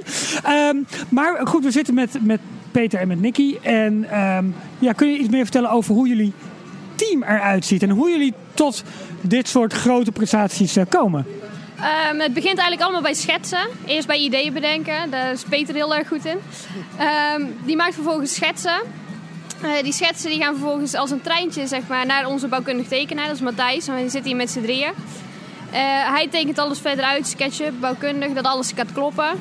En vervolgens dan komen die tekeningen bij mij terecht. En dan doe ik het laatste sausje eroverheen. Op basis van de schetsen van Peter. De scheurtjes in het stukwerk. De, mooie houtstructuurtjes, et cetera. Al die dingen. En dan uiteindelijk dan is het klaar om, uh, om gebouwd te gaan worden. Dus als ik het. Ja, goed. Maar dus als ik het goed begrijp, het kernteam bestaat bij jullie uit drie mensen. Drie mensen, ja. ja dus uh, is een beetje een klein Glendale, hè? Ja. Maar uh, joh, uh, even, hoe dan? Hoe dan? Ja, hoe dan? Ja, dat vraag ik mezelf ook wel eens af inderdaad. Ja. Eh, de Magische Vlei hebben we eigenlijk eh, met een nog kleiner team eh, gedaan. Dus we hebben bewezen dat het kan. En het is altijd weer een race tegen de klok. En het is altijd heel slim zoeken naar hoe gaan we met zo min mogelijk inspanning zoveel mogelijk informatie overdragen. En dat kan een tekening zijn, dat kan een filmpje zijn, dat kan een geluidsfragment zijn, maar dat kan ook een geschreven stukje zijn. Een. We hebben inmiddels meerdere maquettes. Dus het is altijd zoeken naar ja, tijd versus hetgeen wat je uiteindelijk wil realiseren. En ja, zolang we daar een beetje slim mee omgaan, eh, krijgen we het elke keer weer gedaan. Ja. Eh, wij kijken heel erg uit naar, eh, naar juli. Ehm, ehm, eh, 7 juli 2018, waarop het nieuwe gebied open gaat. Is dat trouwens ook al de openingsdatum voor het nieuwe entreegebied? Ja, eh, allebei de gebieden gaan tegelijkertijd open. Dat is best ambitieus. Dat is best ambitieus. Maar we gaan er alles aan doen dat het gaat lukken. Dat worden, dat worden vast dagen van 24 uur eh, lang hier blijven. Wat helpen jullie zelf ook mee nog met, met de realisatie? Want eh, je vertelde net bij de, bij de Blitzbaan dat, eh, dat je zelf nog de laatste fotolijstjes en de, de avond voor opening opgehangen had. Is dat nog steeds het geval bij dit soort grote uitbreidingen? Nou, we proberen het bij deze fase omdat die zo groot is. Kijk, het heeft de detaillering van een blitsbaan. Alleen het is denk ik letterlijk 200 keer zo groot. Dus ja, je moet af en toe keuzes maken. Ehm, Nou, in, in, in hoeverre werken, werken jullie nog zelf mee en steken jullie handen eigenlijk uit de mouwen nog? nou ja, wij lopen vooral heel veel rond. En moet ik zeggen, we hebben eigenlijk een tweedeling gemaakt tussen Nicky en mij. Nicky eh, zit nog dichter op de uitvoer. Die is ook ontwerpcoördinator. Dus die zorgt echt dat de partijen hetgeen maken wat ook eh, afgesproken is en op papier staat. En als het niet op papier staat, moeten we heel snel improviseren. En dat gebeurt af en toe ook. En eh, ik zit meer aan de, ja, ik noem het meer de softwarekant. Dus ik, ik zit meer op de hoofdlijnen en ook op detailniveau. in het geval van maken van films, de muziek, special effects, timing. Wanneer gaat er een effectje beginnen? Wanneer gaat er een deurtje open? Eh, moet er een lampje bij, ja of nee? Zo ja, waar hangt dat lampje? Heeft dat een kleurtje? Hoe lang gaat het lampje branden? Eh, gaat er een geluidje mee gepaard? Staat er een animatronic naast? Hoe ziet die animatronic eruit? Dus Nicky is vooral decors en gebouwen. Hè? Even heel kort door de bocht. En ik ben meer eh, ja, alles wat daar eh, binnen die gebouwen plaatsvindt en wanneer gaat het gebeuren. En ja, dat zal af en toe een moment zijn dat je dan ter plekke staat om eh, de laatste aanwijzingen te geven of misschien zelfs iets op te moeten hangen. Maar ja, gezien de schaalgrootte hoop ik niet dat wij zelf schilderijlijstjes op moeten hangen, want het zijn er tientallen, zo niet honderden. En dat zie ik niet op de laatste avond nog gebeuren. Maar toch ga je denk ik op de laatste avond dat jullie met z'n tweeën of misschien met het team hier van het, eh, van het, eh, van het park door het gebied heen lopen en denken, oké jongens, nu moeten alle remmen los. En eh, in hoeverre eh, kijk je uit naar dat moment of vrees je het moment? Eh, ik weet niet of ik uitkijk naar het moment op dit moment. eh, ik ben wel heel benieuwd hoe het dadelijk gaat vlak voor de opening. Het is de eerste keer dat ik echt zo'n groot project meemaak. Dus ik heb verder ook nog niet echt heel veel ervaring hierin. Maar ik hoop dat het eh, soepel gaat. Maar af en toe een keer rennen lijkt me ook ergens ook wel heel grappig om een keer te mogen doen. Zullen we nog wat vragen over de, de, de inhoud, het thema? Eh, het, jullie, we hebben het net met, met Caroline en Tessa al besproken. Jullie krijgen een bezoek van Merlijn. Merlijn die komt in Toverland wonen. Ehm, hoe hoe ga- gaat dat qua ontwerp eh, in zijn werk? Hoe zijn jullie op dat thema gekomen? En waar begin je dan met het uitwerken van... Oké, Merlijn die moet hier zijn, zijn verblijfsplaats krijgen. Eh, hoe ziet dat eruit?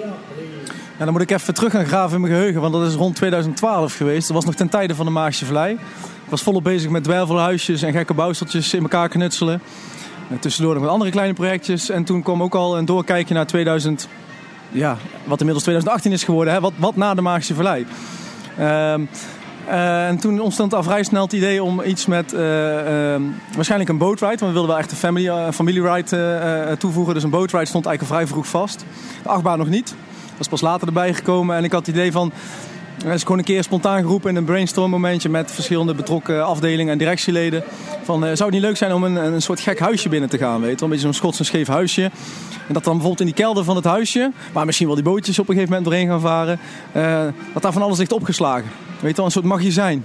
Waar allemaal eh magische taferelen, een geest uit de fles ontsnapt daar en noem het allemaal op. Dat was een beetje een startpunt. Ik heb er ook krabbeltjes en schetsjes van. Die zijn inmiddels al vijf, zes jaar oud. Eh, maar dat was het startpunt van oké, een gek huisje ergens op een heuveltje. En je, je vaart er onderdoor en gaat er weer naar buiten. Maar je kunt ook te voet door dat huisje heen wandelen. Ja, en wie moet er dan in dat huis wonen? Ja, een tovenaar, weet wel. Dat was eigenlijk geen discussie. En toen werd al heel snel eh, eh, Marlijn geroepen. Ja, en toevallig had Caroline en Jean, die hadden daar al een bepaalde voorgeschiedenis mee. Dus dat was een hele mooie mix. En vanuit daar is Marlijn de Tovenaar eigenlijk centraal eh, figuur geworden in dat hele verhaal.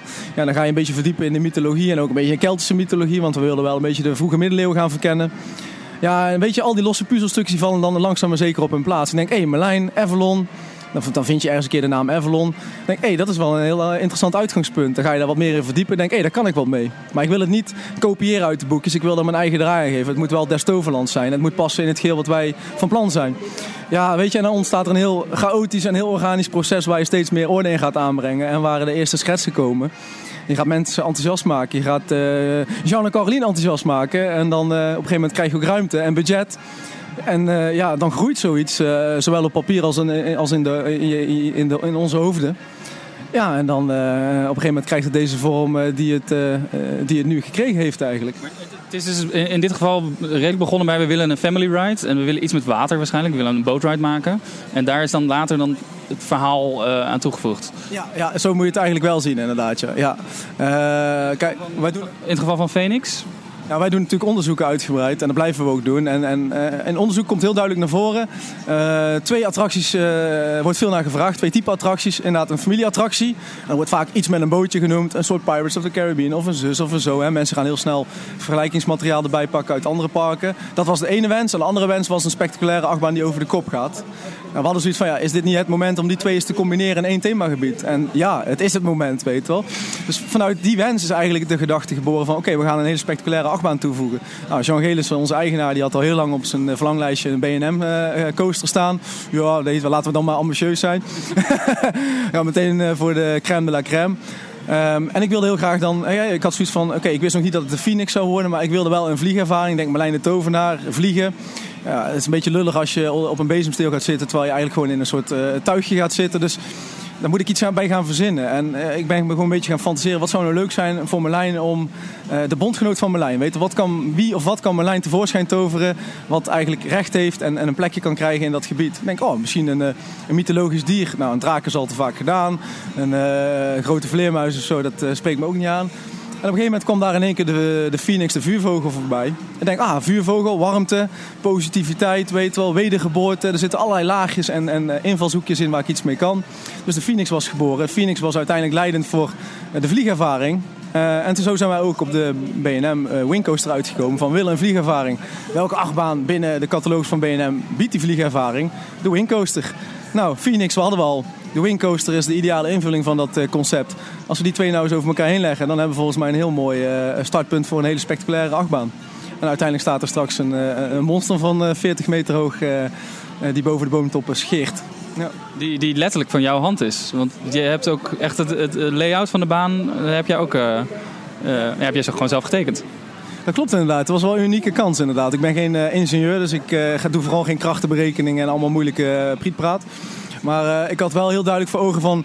hier moet een herberg komen te liggen. Toen was de naam nog helemaal niet bekend. Maar er komt een herberg, want we hebben een, groot horecamuur nodig. Hier zal het station van de Boatride komen. Want uh, rekening houden met stand van de zon uh, heb je hier de, de, meeste kans op zon. Dus daar moet een terras met een herberg. Dan doen we daar die boatrides zo half in de schaduw. En hier zeg maar, waar we nog een kale plek in het landschap hebben, daar zetten we een groot gebouw weg waar het station van de achtbaan in komt. Oh, dan kunnen we dat mooi combineren met een stukje dark ride voor de boatride. Kunnen we het in één gebouw combineren, dan uh, is dat ook nog eens gunstig.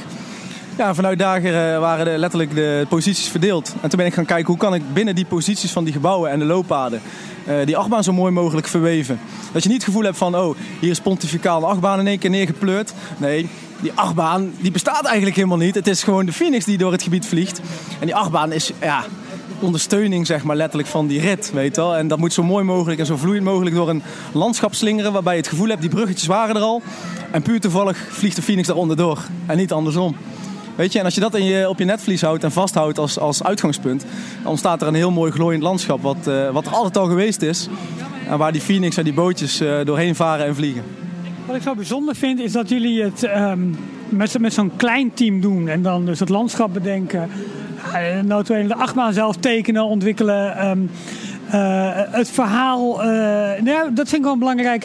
Uh, wat is voor jullie leidend? Is dat meer het verhaal dat erachter zit? Of is het meer het thema? Want jullie hebben natuurlijk wel als park zeg maar, een thema meegekregen, namelijk toveren in alle facetten. Is dat dan leidend of is het verhaal leidend? Het is voor mij altijd heel lekker, en ik denk dat Nicky dat wel kan beamen, eh, om gewoon een, eh, een soort kaders voor jezelf te creëren. En die kaders kunnen zijn een thema. Dan weet ik al welke richting ik op ga. En dan hoef ik nog helemaal geen verhaal te hebben, dat komt later. wel. Ik wil een thema hebben en dan weet ik al, dan komt er voor mij al, hè, dan schiet er allemaal beelden door mijn hoofd en associaties. Dan kan ik ook gericht gaan zoeken en gaan nadenken. En denk, oké, binnen die wereld, die er altijd al is geweest, daar is van alles gebeurd. En wat is daar dan gebeurd? Nou, daar woont een Merlijn. Nou, hoe lang woont Merlijn er al? Oh, heel lang. Dus dan een oud huisje. Weet wel? Oh, en later is daar een dorpje rond dat huisje ontstaan. Dus daar komt eh, een laag bij in de tijd, weet wel? Oh, en die huisjes, eh, misschien is er wel een herberg. Oh, misschien is er wel een uitbater van die herberg. Oh, die heeft een naam. En die kent Merlijn. Weet je, en dan ga ik eigenlijk zelf mijn verhaal verzinnen. Dus ik heb een thema, ik heb een, een plattegrond met verschillende functies. En ik vind het altijd heel lekker om dan die aan elkaar te rijgen middels een verhaal. In plaats van dat je heel letterlijk eerst een verhaal hebt en vervolgens ga je er iets bij verzinnen. En soms kan het wel zo werken dat je echt een verhaal hebt, denkt, hé, hey, daar moet ik iets mee doen, ik weet alleen nog niet wat. En ik ga er vervolgens nadenken over uh, het wordt binnen of het wordt buiten, het wordt een achtbaan of het wordt een bootjesattractie, het wordt zus of het wordt zo. Maar uh, ja, ook deze keer weer bleek dat het thema leidend was, uh, de functies van de verschillende onderdelen. En dat je daar je verhaal gaat gebruiken als rode draad om alles aan elkaar te rijgen. Uh, nou heb jij het helemaal in je hoofd, Peter. En ben jij daar, nou, zoals gezegd, uh, enthousiast over. en jij, Nicky, moet je dan ja aan me knikken? Of mag je ook nog een klein beetje met hem sparren van... Nou, leuk dat je het allemaal bedenkt, maar... Ik mag nog wel meesparren. We hebben best vaak met z'n tweeën brainstorm sessies. En dan gaan we gewoon om, om een bepaald onderdeel zitten van... Ja, hoe gaan we dit doen? Wat willen we? En dan gaan we twee uur gewoon met een leuk muziekje op de achtergrond... zitten ouwe hoeren om te kijken hoe we iets in elkaar kunnen knopen. Zijn er beelden van? Zijn er opnames van? Nee, daar zijn geen opnames van. Gelukkig. Het is een combinatie. Het gebeurt, het gebeurt, tussen ons, maar het gebeurt ook in het grote perspectief. Natuurlijk, Caroline heeft er een heel duidelijke rol in. Tessa, Jean, noem het maar op. Alle collega's die ik niet hierbij kan noemen. Maar het is wel echt teamwork. Uh, en ook aan die grote tafel, die directietafel. Uh, uh, ja, dan gooien wij zo nu en dan weer wat nieuwe ideeën op. Maar er ontstaan ook weer nieuwe ideeën. En die beïnvloeden vervolgens weer het tekenproces en het denkproces. Dus het is wel heel erg een wisselwerking die heel vaak bij mij begint maar ook niet altijd, weet je wel. En het, is, ja, het komt soms vanuit hele onverwachte hoeken. Dat bijvoorbeeld de horecamanager in één keer iets roept en ik denk... God, nou, het zegt, daar heb ik totaal niet over nagedacht. Maar eigenlijk is dat veel interessanter dan hetgeen wat we nu bedacht hebben. Weet je, en zo kan het, kan het vanuit alle richtingen uh, komt het aanwaaien en, en daar doe je vervolgens iets mee. Nou, in ons gesprek met Caroline en met uh, Tessa kwam het ook naar voren. Jullie doen het als een familie, als een kleine groep mensen dicht bij elkaar, korte lijnen. Ja. Um, ik kan eigenlijk niet wachten om nu echt naar buiten te gaan, Jorn. Want nee, we moeten gewoon voeten in de klei en in de modder. En uh, ik denk dat jullie ons moeten vertellen hoe we zo meteen door de verschillende gebieden heen gaan. Uh, en dan hebben we ook nog wel vragen over, uh, over Port Laguna. Ja. En daar ben ik heel erg benieuwd naar. Ik ook. nou, we staan inmiddels buiten. We hebben een fel gekleurd hesje aan. We hebben een mooie hardhat op. En mooie schoenen. En hele mooie bouwschoenen met stalen neuzen. Maar waar staan we precies? We staan nu eigenlijk onder de constructie, de tentconstructie. Dat is wel heel oneerbiedig om te zeggen, maar het is een hele mooie constructie. Waar straks de, de kassahutjes komen te staan. En waar je dus op het moment dat je nog geen voorverkoopticket hebt, je kaartje kunt kopen om uh, vervolgens de grens, de grens te passeren van Nederland naar Toverland. Nee, maar nu gaat Peter te snel, want je komt uh, zo meteen binnen vanaf de nieuwe parkeerplaats. En dan kom je langs een stuk landscaping met, met heuvels, met mooie naaldbomen erop. En dan loop je letterlijk nou ja, wat zou het zijn? 20, 30 meter langs Troy. Dus je, je, je kennismaking met Toverland is die immense houten reus. Die, uh, die daar waarschijnlijk aan het draaien is. Dus je komt er echt een. Nou, alleen, we zijn nog niet eens binnen. We moeten het kaartje nog kopen. Maar dit vind ik nu al indrukwekkend. Ja, ja. Ja, je, bent al, je komt helemaal in de, in, de, in de sferen waar je, waar je in moet komen. Dus dit wordt het nieuwe gebied waar iedereen straks het park gaat, uh, gaat binnenlopen. En na de kassa, ze hebben hun kaartje. Waar komen ze dan? Dan gaan de mensen via de ticketcontrole de grens over richting Toverland. Letterlijk Toverland. Dus je verlaat eigenlijk Nederland en je gaat de magische wereld van Toverland in, waarna je op ontdekking kan gaan naar uh, ja, Port Laguna. En... Moet je je paspoort meenemen als je hier naartoe wil? Ah, nee, dat is net niet nodig. Mijn kaartje wel. Er wordt wel gecontroleerd op voorhand uh, of je goede of slechte magie bij je hebt. Dus uh, als je slechte magie bij hebt, wordt die wel eventjes van je afgenomen. En dan, daarna mag je naar binnen toe. En dan, uh, dan loop je naar binnen.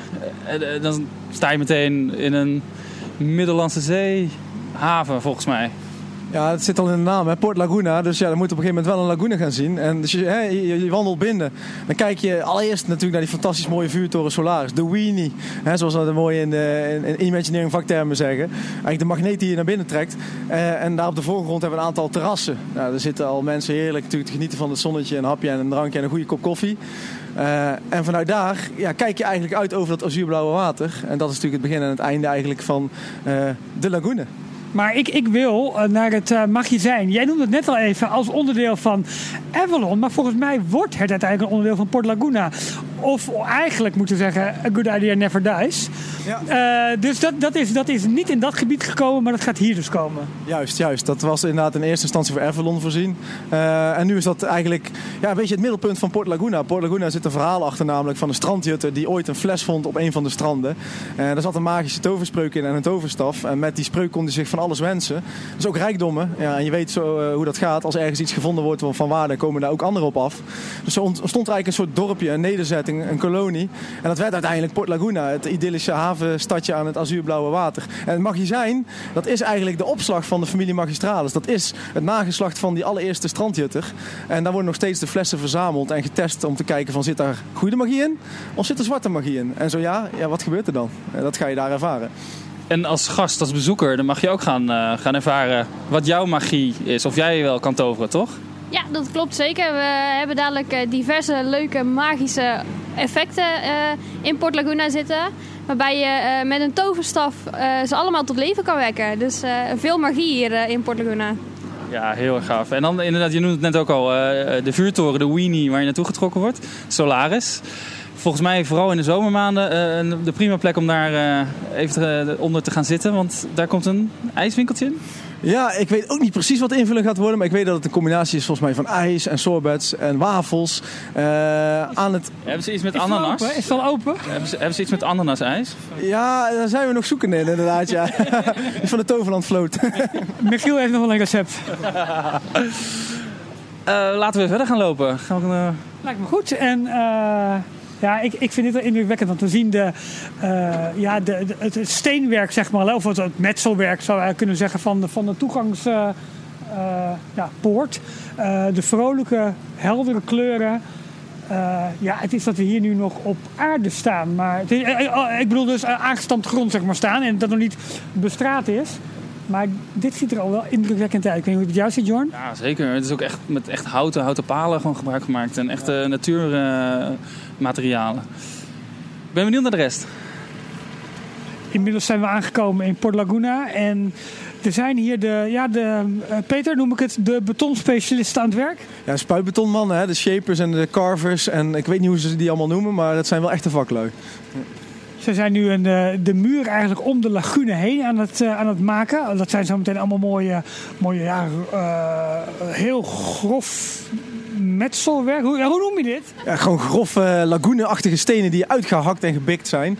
En die, die de bewoners vervolgens gestapeld hebben om er een muurtje van te maken. En daar ligt dan weer zo'n lekkere dikke laag stukwerk overheen. Ook nog een aantal lagen. Want ja, door de tientallen jaren heen hebben ze er weer een nieuwe laag overheen moeten stukken. Zeg maar uh, herstelwerkzaamheden. En uh, dat zie je allemaal terug in, uh, die gelaagdheid zie je terug in die muurtjes. Ja, en we zien nu dat de gebouwen om de lagune heen worden uh, worden opgebouwd. Um, nou, we hebben een klein blikje mogen werpen in, uh, in, in, in sommige gebouwen. Met name ook het idee erachter hoe, hoe zometeen de winkels voorzien worden van ja, alle apparatuur die erin komt uh, te hangen. Maar, en en alle, alle goederen die verkocht moeten gaan worden. Jorn, even jou, jouw idee, jouw gedachte hierover? Ja, wat moet ik over zeggen? Gaaf. Ik... we hebben net al gekeken, er, komt een, een, shop, er komt een horecapunt. Uh, het, het magazijn, uh, het, wordt een soort, het is toch een soort show-achtige, interactieve show, ja. Uh, een gallery waar je spelletjes kan spelen. En dan aan het einde, aan de overkant als blikvanger, aan, aan de overkant van de lagune, komt dan Solaris, de, de vuurtoren. Ja, daar, daar staat de voet al van. Wat, wat kunnen we van die toren verwachten, Nicky? Dat hij heel hoog wordt. Hoor. Dan, dat is denk ik... Dat hij verticaal gaat. Ja, dat sowieso. Kijk, ah, dat horen we graag. Wat, wat, wat ik heel erg um, uh, bijzonder vind, is dat het niet een entreegebied is, maar dat het gelijk de verbinding eigenlijk is naar alle, alle verschillende themagebieden. We hebben net alleen een voorproefje gekregen van het pad naar, uh, naar Troy onder andere. Um, ja, het, ja, nou ja, daar eigenlijk de landscaping in, want dat is hetgeen volgens mij, Peter, waar jullie heel goed in zijn. Ja, dat is echt, uh, ik denk de basis ook wel van Toverland vanaf het moment dat we naar buiten gingen ontwikkelen, vanaf Troy, dus. Uh, toen werd het landschap wel zo belangrijk en zo bepalend dat niet eerst de attractie kwam en, daarna het landschap. Nee, het landschap was er eerst en daar zijn gebouwtjes in verrezen en noem het maar op. Dus landscaping, ja, daar kunnen wij ons eh, nog beter in onderscheiden dan alle anderen. En dat voegt zoveel toe aan, de, aan een wereld die je creëert en een wereld die voelt alsof die er altijd al geweest is. En dat vinden we heel belangrijk en eh, ik vind ook dat we dat heel goed doen. En dat doen we nu nog beter. Ja, het is nu een aanbouw. We zijn nu al onder de indruk. We zijn net door wat opslagplaatsen heen gelopen waar alle, alle grote keien en rotsen liggen die zo meteen gebruikt gaan worden in de landen. Als dat zo meteen allemaal hier zo'n plek gaat krijgen, nou, dan lopen hier. Ik, hoeveel mensen lopen er hier eigenlijk eh, rond die nu aan het werk zijn? Eh, vandaag hebben we een stuk van of, eh, 170 mensen rondlopen. Van alles. Ze doen van alles. eh, thematisering, eh, bouw, eh, landschap. En die moeten zo allemaal een frietje halen bij, die, bij dat frietkot waar we net langs zijn gekomen. Ja, die halen allemaal een frietje hier. Heerlijk, heerlijk.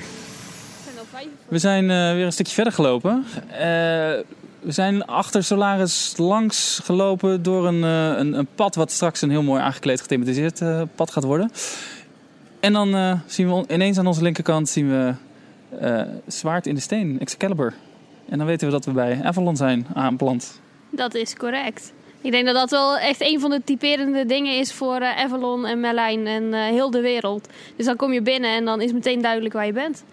En eh, je ziet waarschijnlijk het enorme blauwe gevaarte van, van Phoenix boven het moeras uitsteken. Nu staat er nog niet zoveel, maar hoe, wat, moet, wat kunnen we dadelijk verwachten? Hoe ziet het eruit, Peter? Ja, heel dynamisch, heel kinetisch. Hè? Dus heel veel beweging in de omgeving. Ja, je zegt al, het grote gevaar, de, de Phoenix. Eigenlijk al een, een, een kunstwerk op zich. 40 meter hoog, blauw staal met bruine kolommen. Eh, het blauw verbeeldt de lucht, bruin eh, de bomen. En zij valt niet weg, maar hij gaat heel mooi op in de omgeving. Hij glooit ook heel mooi met de omgeving. En daartussendoor slingeren dan en meandert eh, dat stroompje waar dan de bootjes van Merlin's Quest doorheen dobberen. Je ziet die mensen links en rechts over de paden wandelen. Er zit hoogteverschillen in. Een fantastisch mooi boothuis aan de rechterkant. In de vette de Flaming Feather, de eh, fantastische herberg waar je eventjes eh, helemaal tot rust kan komen. En natuurlijk aan de linkerkant eh, het gigantische, ja, de rotsfaçade eigenlijk. Met de scheve toren van Merlijn en waaronder allerlei geheimzinnige tunnels schuil gaan die weer toegang zouden kunnen bieden tot misschien wel het station van Phoenix. En dat is weer de Room of Resurrection. Zo, ja, voordat het zover is, dan moeten we nog even wachten tot jullie. Voordat we daar wat meer over te, te weten komen. Wat vind jij ervan, Ralf? Ja, ik, ben, ik ben echt sprakeloos. Kijk, je weet, je weet mijn, eh, mijn speerpunt. Dat is eh, alles wat de lucht in gaat, vind ik fantastisch. Maar dat, dat, is, dat zie je hier nu gebeuren. Dus je ziet de voeters van, eh, van Phoenix zie je, zie je al staan. We zijn net langs de baandelen gelopen. Ik heb stiekem aangeraakt. Ja, moest toch? Je, je, je ziet eh, ja, het grote gebouw waar, ehm, ja, waar zometeen Phoenix in komt. Je ziet de boothuis dat er echt al op een belachelijke manier nu al zeg maar, is, is gedetailleerd. Eh, in de verte eh, de Flaming. Eh, het is een gebied. Het, is, het gaat mijn voorstellingsvermogen te buiten. Want het is echt heel erg groot. En dit is nog een keertje buiten dat grote toegangsgebied. waar we net doorheen zijn gelopen. Twee in één keer. Het is, ja, de- ambities passen hier aan alle kanten vanaf. Ik vind het echt heel erg vet. Midden in eh, Avalon staan we nu bij de uitgang van Merlin's Quest. Ehm, wat mij heel erg opvalt, Peter, je zei het net ook al, eh, zijn de, de hoogteverschillen hier. Ja, die zijn eh, gigantisch. Dus je hebt echt de, de dynamiek. Hè? Dus je, we wandelen nu op een hoogte van, nou, ik schat ten opzichte van het maaiveld, een hoogte van 3, 3, 4 meter. En onder ons varen de bootjes straks uit die berghelling weer naar buiten. Die komen net uit uh, Terna nog, een hele mysterieuze, geheimzinnige plek. En die gaan vanuit hier weer hun ja, tocht vervolgen richting eh, de boothuis waar eh, het avontuur begonnen is. En wij wandelen echt over die boten heen en, en ze varen onder ons door. En ja, overal waar je kijkt gebeurt iets. De watervalletjes die kletteren hier over de, de, de façade heen. Rollen zo uiteindelijk hier het weer de grote vijver in. Dus de dynamiek en de, de levendigheid zeg maar, die, die Toverland typeert, die komt hier in, ja, in het kwadraat zeg maar, terug. En gek is, of het leuke is ook dat je dat, dat, je dat nu al ziet. Eigenlijk, hè, hoe, het, hoe, het gaat, uh, hoe het gaat ontstaan. Uh, Nicky, ben je tevreden met, uh, met hoe, hoe de mannen voor jou bezig zijn hier? Ik ben heel tevreden met hoe ze hier bezig zijn. Vooral de, de mensen die uh, hier dag en nacht met uh, weer en wind in de kou aan het werk zijn. Daar uh, heb ik best wel veel respect voor, moet ik zeggen. Moet je streng zijn tegen ze of valt het mee? Af en toe wel. Af en toe dan moet je wel eens streng zijn. Maar dat hoort erbij. Ik heb, we gaan nu doorlopen naar uh, de Flaming Feather. Uh, het eerste table service restaurant van Toverland. Uh, nou, la, laten we gaan. Laten we kijken hoe het daar aan toe gaat. Je hoort het uh, gezagen, geboor en geschuur al op de achtergrond. Uh, let's go. Ja. Nicky, je hebt ons meegenomen naar de toiletten. Waarom? Waarom? Omdat het hele bijzondere toiletten zijn. Uh, je gaat hier namelijk dadelijk naar het toilet in een paardenstal. Dat is eh, uniek. Eh, ja, want eh, zo, eh, zo ruikt het nu ook al. Niet dat het vies ruikt, maar het ruikt al naar hout, naar stro. En het is leuk, want we komen eigenlijk uit de, de hoofdeetzaal zeg maar, van de Flaming Feather. We zijn links afgeslagen, nu in de, in de toiletgebouwen. En daar zit dus een heel verhaal aan, want, want het zijn dus de oude paardenstallen. Ja, in principe is het zo dat vroeger natuurlijk de ridders hier kwamen eten in de herberg. En die hadden hun paarden bij, dus die moeten hun paarden ook ergens kwijt kunnen. En vandaar dat er ook stallen zijn. Dus eh, hier eh, verbleven de, de paarden van de ridders. Ja, het, is, eh, we, we worden nu hier bijgeschenen, want het is natuurlijk nog geen kunstmatige verlichting met, een, eh, met het licht van een, van, van een telefoon. Eh, daardoor lijkt het nog mysterieuzer. Maar joh, Het, het stro komt gewoon al uit het plafond eh, tussen, de, tussen de stukken houten. Wat is de, de, de hooizolder is bovenop? Ja, de, ho- de hooizolder is boven. En eh, ook om de, de paarden zeg maar, eh, gedurende de, de gure wintermaanden van warmte te voorzien, hebben ze ook, hè, de, eh, de bewoners hebben ook de, de muren zeg maar, geïsoleerd met stro. Dus het stro komt ook her en der tussen de planken van de, van de wanden door om eh, ja, de paarden een warme nacht te bezorgen. ik vrees dat jullie hier een wachtrij moeten gaan ontwerpen, want dit wordt een populaire, po- dit wordt een, po- een populaire plek hier. We staan nu bij de Boothouse. En eh, we hebben zojuist eigenhandig de bouw stilgelegd. Want Jorn is erachter gekomen dat het niet klopt. nou Jorn, zeg jij eens even wat jij eh, begrijpt van landscaping, imagineering en andere dingen. Nou, ik heb even met mijn eh, deskundig oog gekeken. Nee, ik, we, we lopen gewoon continu heen en weer allemaal hoogteverschillen op en af. Dus voor mijn gevoel lijkt het alsof de boothouse te hoog ligt dan waar het waterniveau zou moeten komen. Maar het klopt allemaal, want het is allemaal met, met lasers en zo natuurlijk uitgemeten en berekend. En anders kom je hier hoofdpersoonlijk nog de boel uitgraven, Jorn. ja, inderdaad. Nee, dat heeft Peter mij eh, verzekerd, dat, dat, dat het klopt. En we staan hier, eh, Peter, jij zei het in een bijzin, maar eh, dat gaat te snel. Je staat hier voor de trots. Ja, de trots eh, sowieso van onszelf als ontwerpteam, maar ook eh, de trots van Gepla. Gepla is eigenlijk eh, een zusteronderneming. Vallen allemaal onder dezelfde eigenaar, dezelfde groep. En dit is eigenlijk, zo, ja, zo kun je het wel zeggen, in eigen huis dan ook gebouwd. Het hele, deze houtconstructie, echt een ambachtelijke middeleeuwse uitstraling. Met echte materialen, echt houtsnijwerk. Ja, het had zomaar uit de middeleeuwen kunnen zijn. Dat is helemaal door onze eigen mensen van A tot Z en ontworpen, maar ook gebouwd. En nu zijn ze dus letterlijk de laatste hand aan het leggen aan het schilderwerk. En ik zie het nu ook voor het eerst. Ik, bedoel, ik loop hier ook niet constant rond. Ik ben ook nog volop met allerlei voorbereidingen bezig. En eh, het coördineren van allerlei zaken. Net zoals dat Nicky dat ook doet. Dus ja, ik sta hier ook wel even te genieten van, eh, van de blauwe kleuren die daar tevoorschijn komen. Ja, nou, dat, dat is ook aan je te zien. En ja, zoals Peter al zegt, eh, de basis van het gebouw eh, heeft die mooie... Nou, het lijkt bijna lijststenen, maar het heeft ongetwijfeld een andere naam. Drystone eh walls. Dat zeg ik, dat lijkt erop. Het rijmt, het, en dan rekenen we het goed. Eh, en, en dan die mooie houten opbouw. eh, de, ehm, ja, de kleuren die hier ontstaan zijn, zijn heel bijzonder. En dit gebouw is al... eh, ja, ik zou zeggen, jongens, eh, maandag kunnen we gaan, eh, gaan beginnen hier. Zover zijn we niet. Maar ja, deze ligt, ligt heel lekker op schema en gaat ook heel lekker. En ja, deze, hier zie je al echt dat die richting het eindplaatje gaat. Ik denk dat wij hier ook bijna zo het rondje over Avalon ge- gemaakt hebben. Ehm Nicky, tevreden met de voortgang ja, die je ziet? En zie jij het al voor je hoe dit gebied over vier maanden, klopt het, vier maanden, ja, eh, eh, open zal gaan? Ja, ik, eh, ik, ik kijk heel erg uit naar de, naar de opening natuurlijk. En als ik zie wat iedereen hier aan het maken is en met hoeveel passie de mensen hier aan het werk zijn, dat is echt fantastisch. Het is een prachtig project om, om onderdeel van uit te mogen maken. Nou, het leuke is dat als je jou ziet lopen hier door, eh, door dit gebied heen, dat je continu op kleine dingetjes aan het letten bent en denk van eigenlijk een soort van mind notes aan het maken bent. Van, oh, daar moet nog eventjes een, dat, dat, nou, niet dat schroefje, dat niveau niet, maar wel eh, op die manier ben je eigenlijk bijna je mensen aan het ehm, eh, controleren. Klinkt negatief, maar dat bedoel ik wel zo. Ja, dat klopt. Als ik ergens rondloop, en nu bij het boothuis ook, dan, dan zie je een dingetje en dan denk ik, oh, dan maak ik even een foto, want dan ga ik ze daar morgen of dadelijk nog eventjes op wijzen. Maar eh, ja, op die manier eh, wordt het wel zoals wij het eh, bedacht hebben. Dus dat wordt eh, ja, fantastisch. Eh, Jorn, ik, ehm, ik, ik, ik vond het echt een, een indrukwekkende rondgang. Ja, ik ook. Ik, eh, ik, vind- ik weet niet wat ik meemaak, joh. Het is echt eh gaver dan ik, eh, dan ik had gedacht. En ik eh, kan niet wachten tot, eh, tot het hier af is en ik zelf een keer een, ri- een ritje in eh Phoenix kan maken. Onder Ja. andere. Onder andere, ja precies. Want ik ben ook heel benieuwd naar de andere, andere gebieden. Maar eh, jongens, stuur ons alsjeblieft foto's op. Of anders zoeken we ze zelf wel op. Als die baandelen zo meteen echt de lucht in gaan. Want dat wordt het moment waarop, eh, waarop de vlag uitgaat. En eh, ja, we echt toe kunnen gaan leven naar dit, naar, naar dit gebied verder. Ehm, Ik heb heel veel zin in. Heel erg bedankt voor deze fantastische rondgang eh, door de nieuwe gebieden. Maar ook eh, fijn dat jullie de duiding hebben gegeven bij de, ja, bij de andere gebieden, hoe het zo meteen in elkaar gaat passen. We hebben net al wat, eh, wat kleine vooruitblikjes gekregen na, na 2018. Maar daar zegt wel lekker niks over. En nee, erg. Onwijs bedankt. Hebben jullie nog wijze woorden om mee af te sluiten? Eh, graag tot ziens. En t- tot eh, op het terras eh, van eh, of Port Laguna of eh, de Flaming verder. Die afspraak staat. Dank jullie wel. Nou, super. Ja, ik heb echt, echt, echt het balen van dat ik niet meekom met, eh, met dit uitstapje, jongens. Nou, terecht. Heel erg tof. Toverland.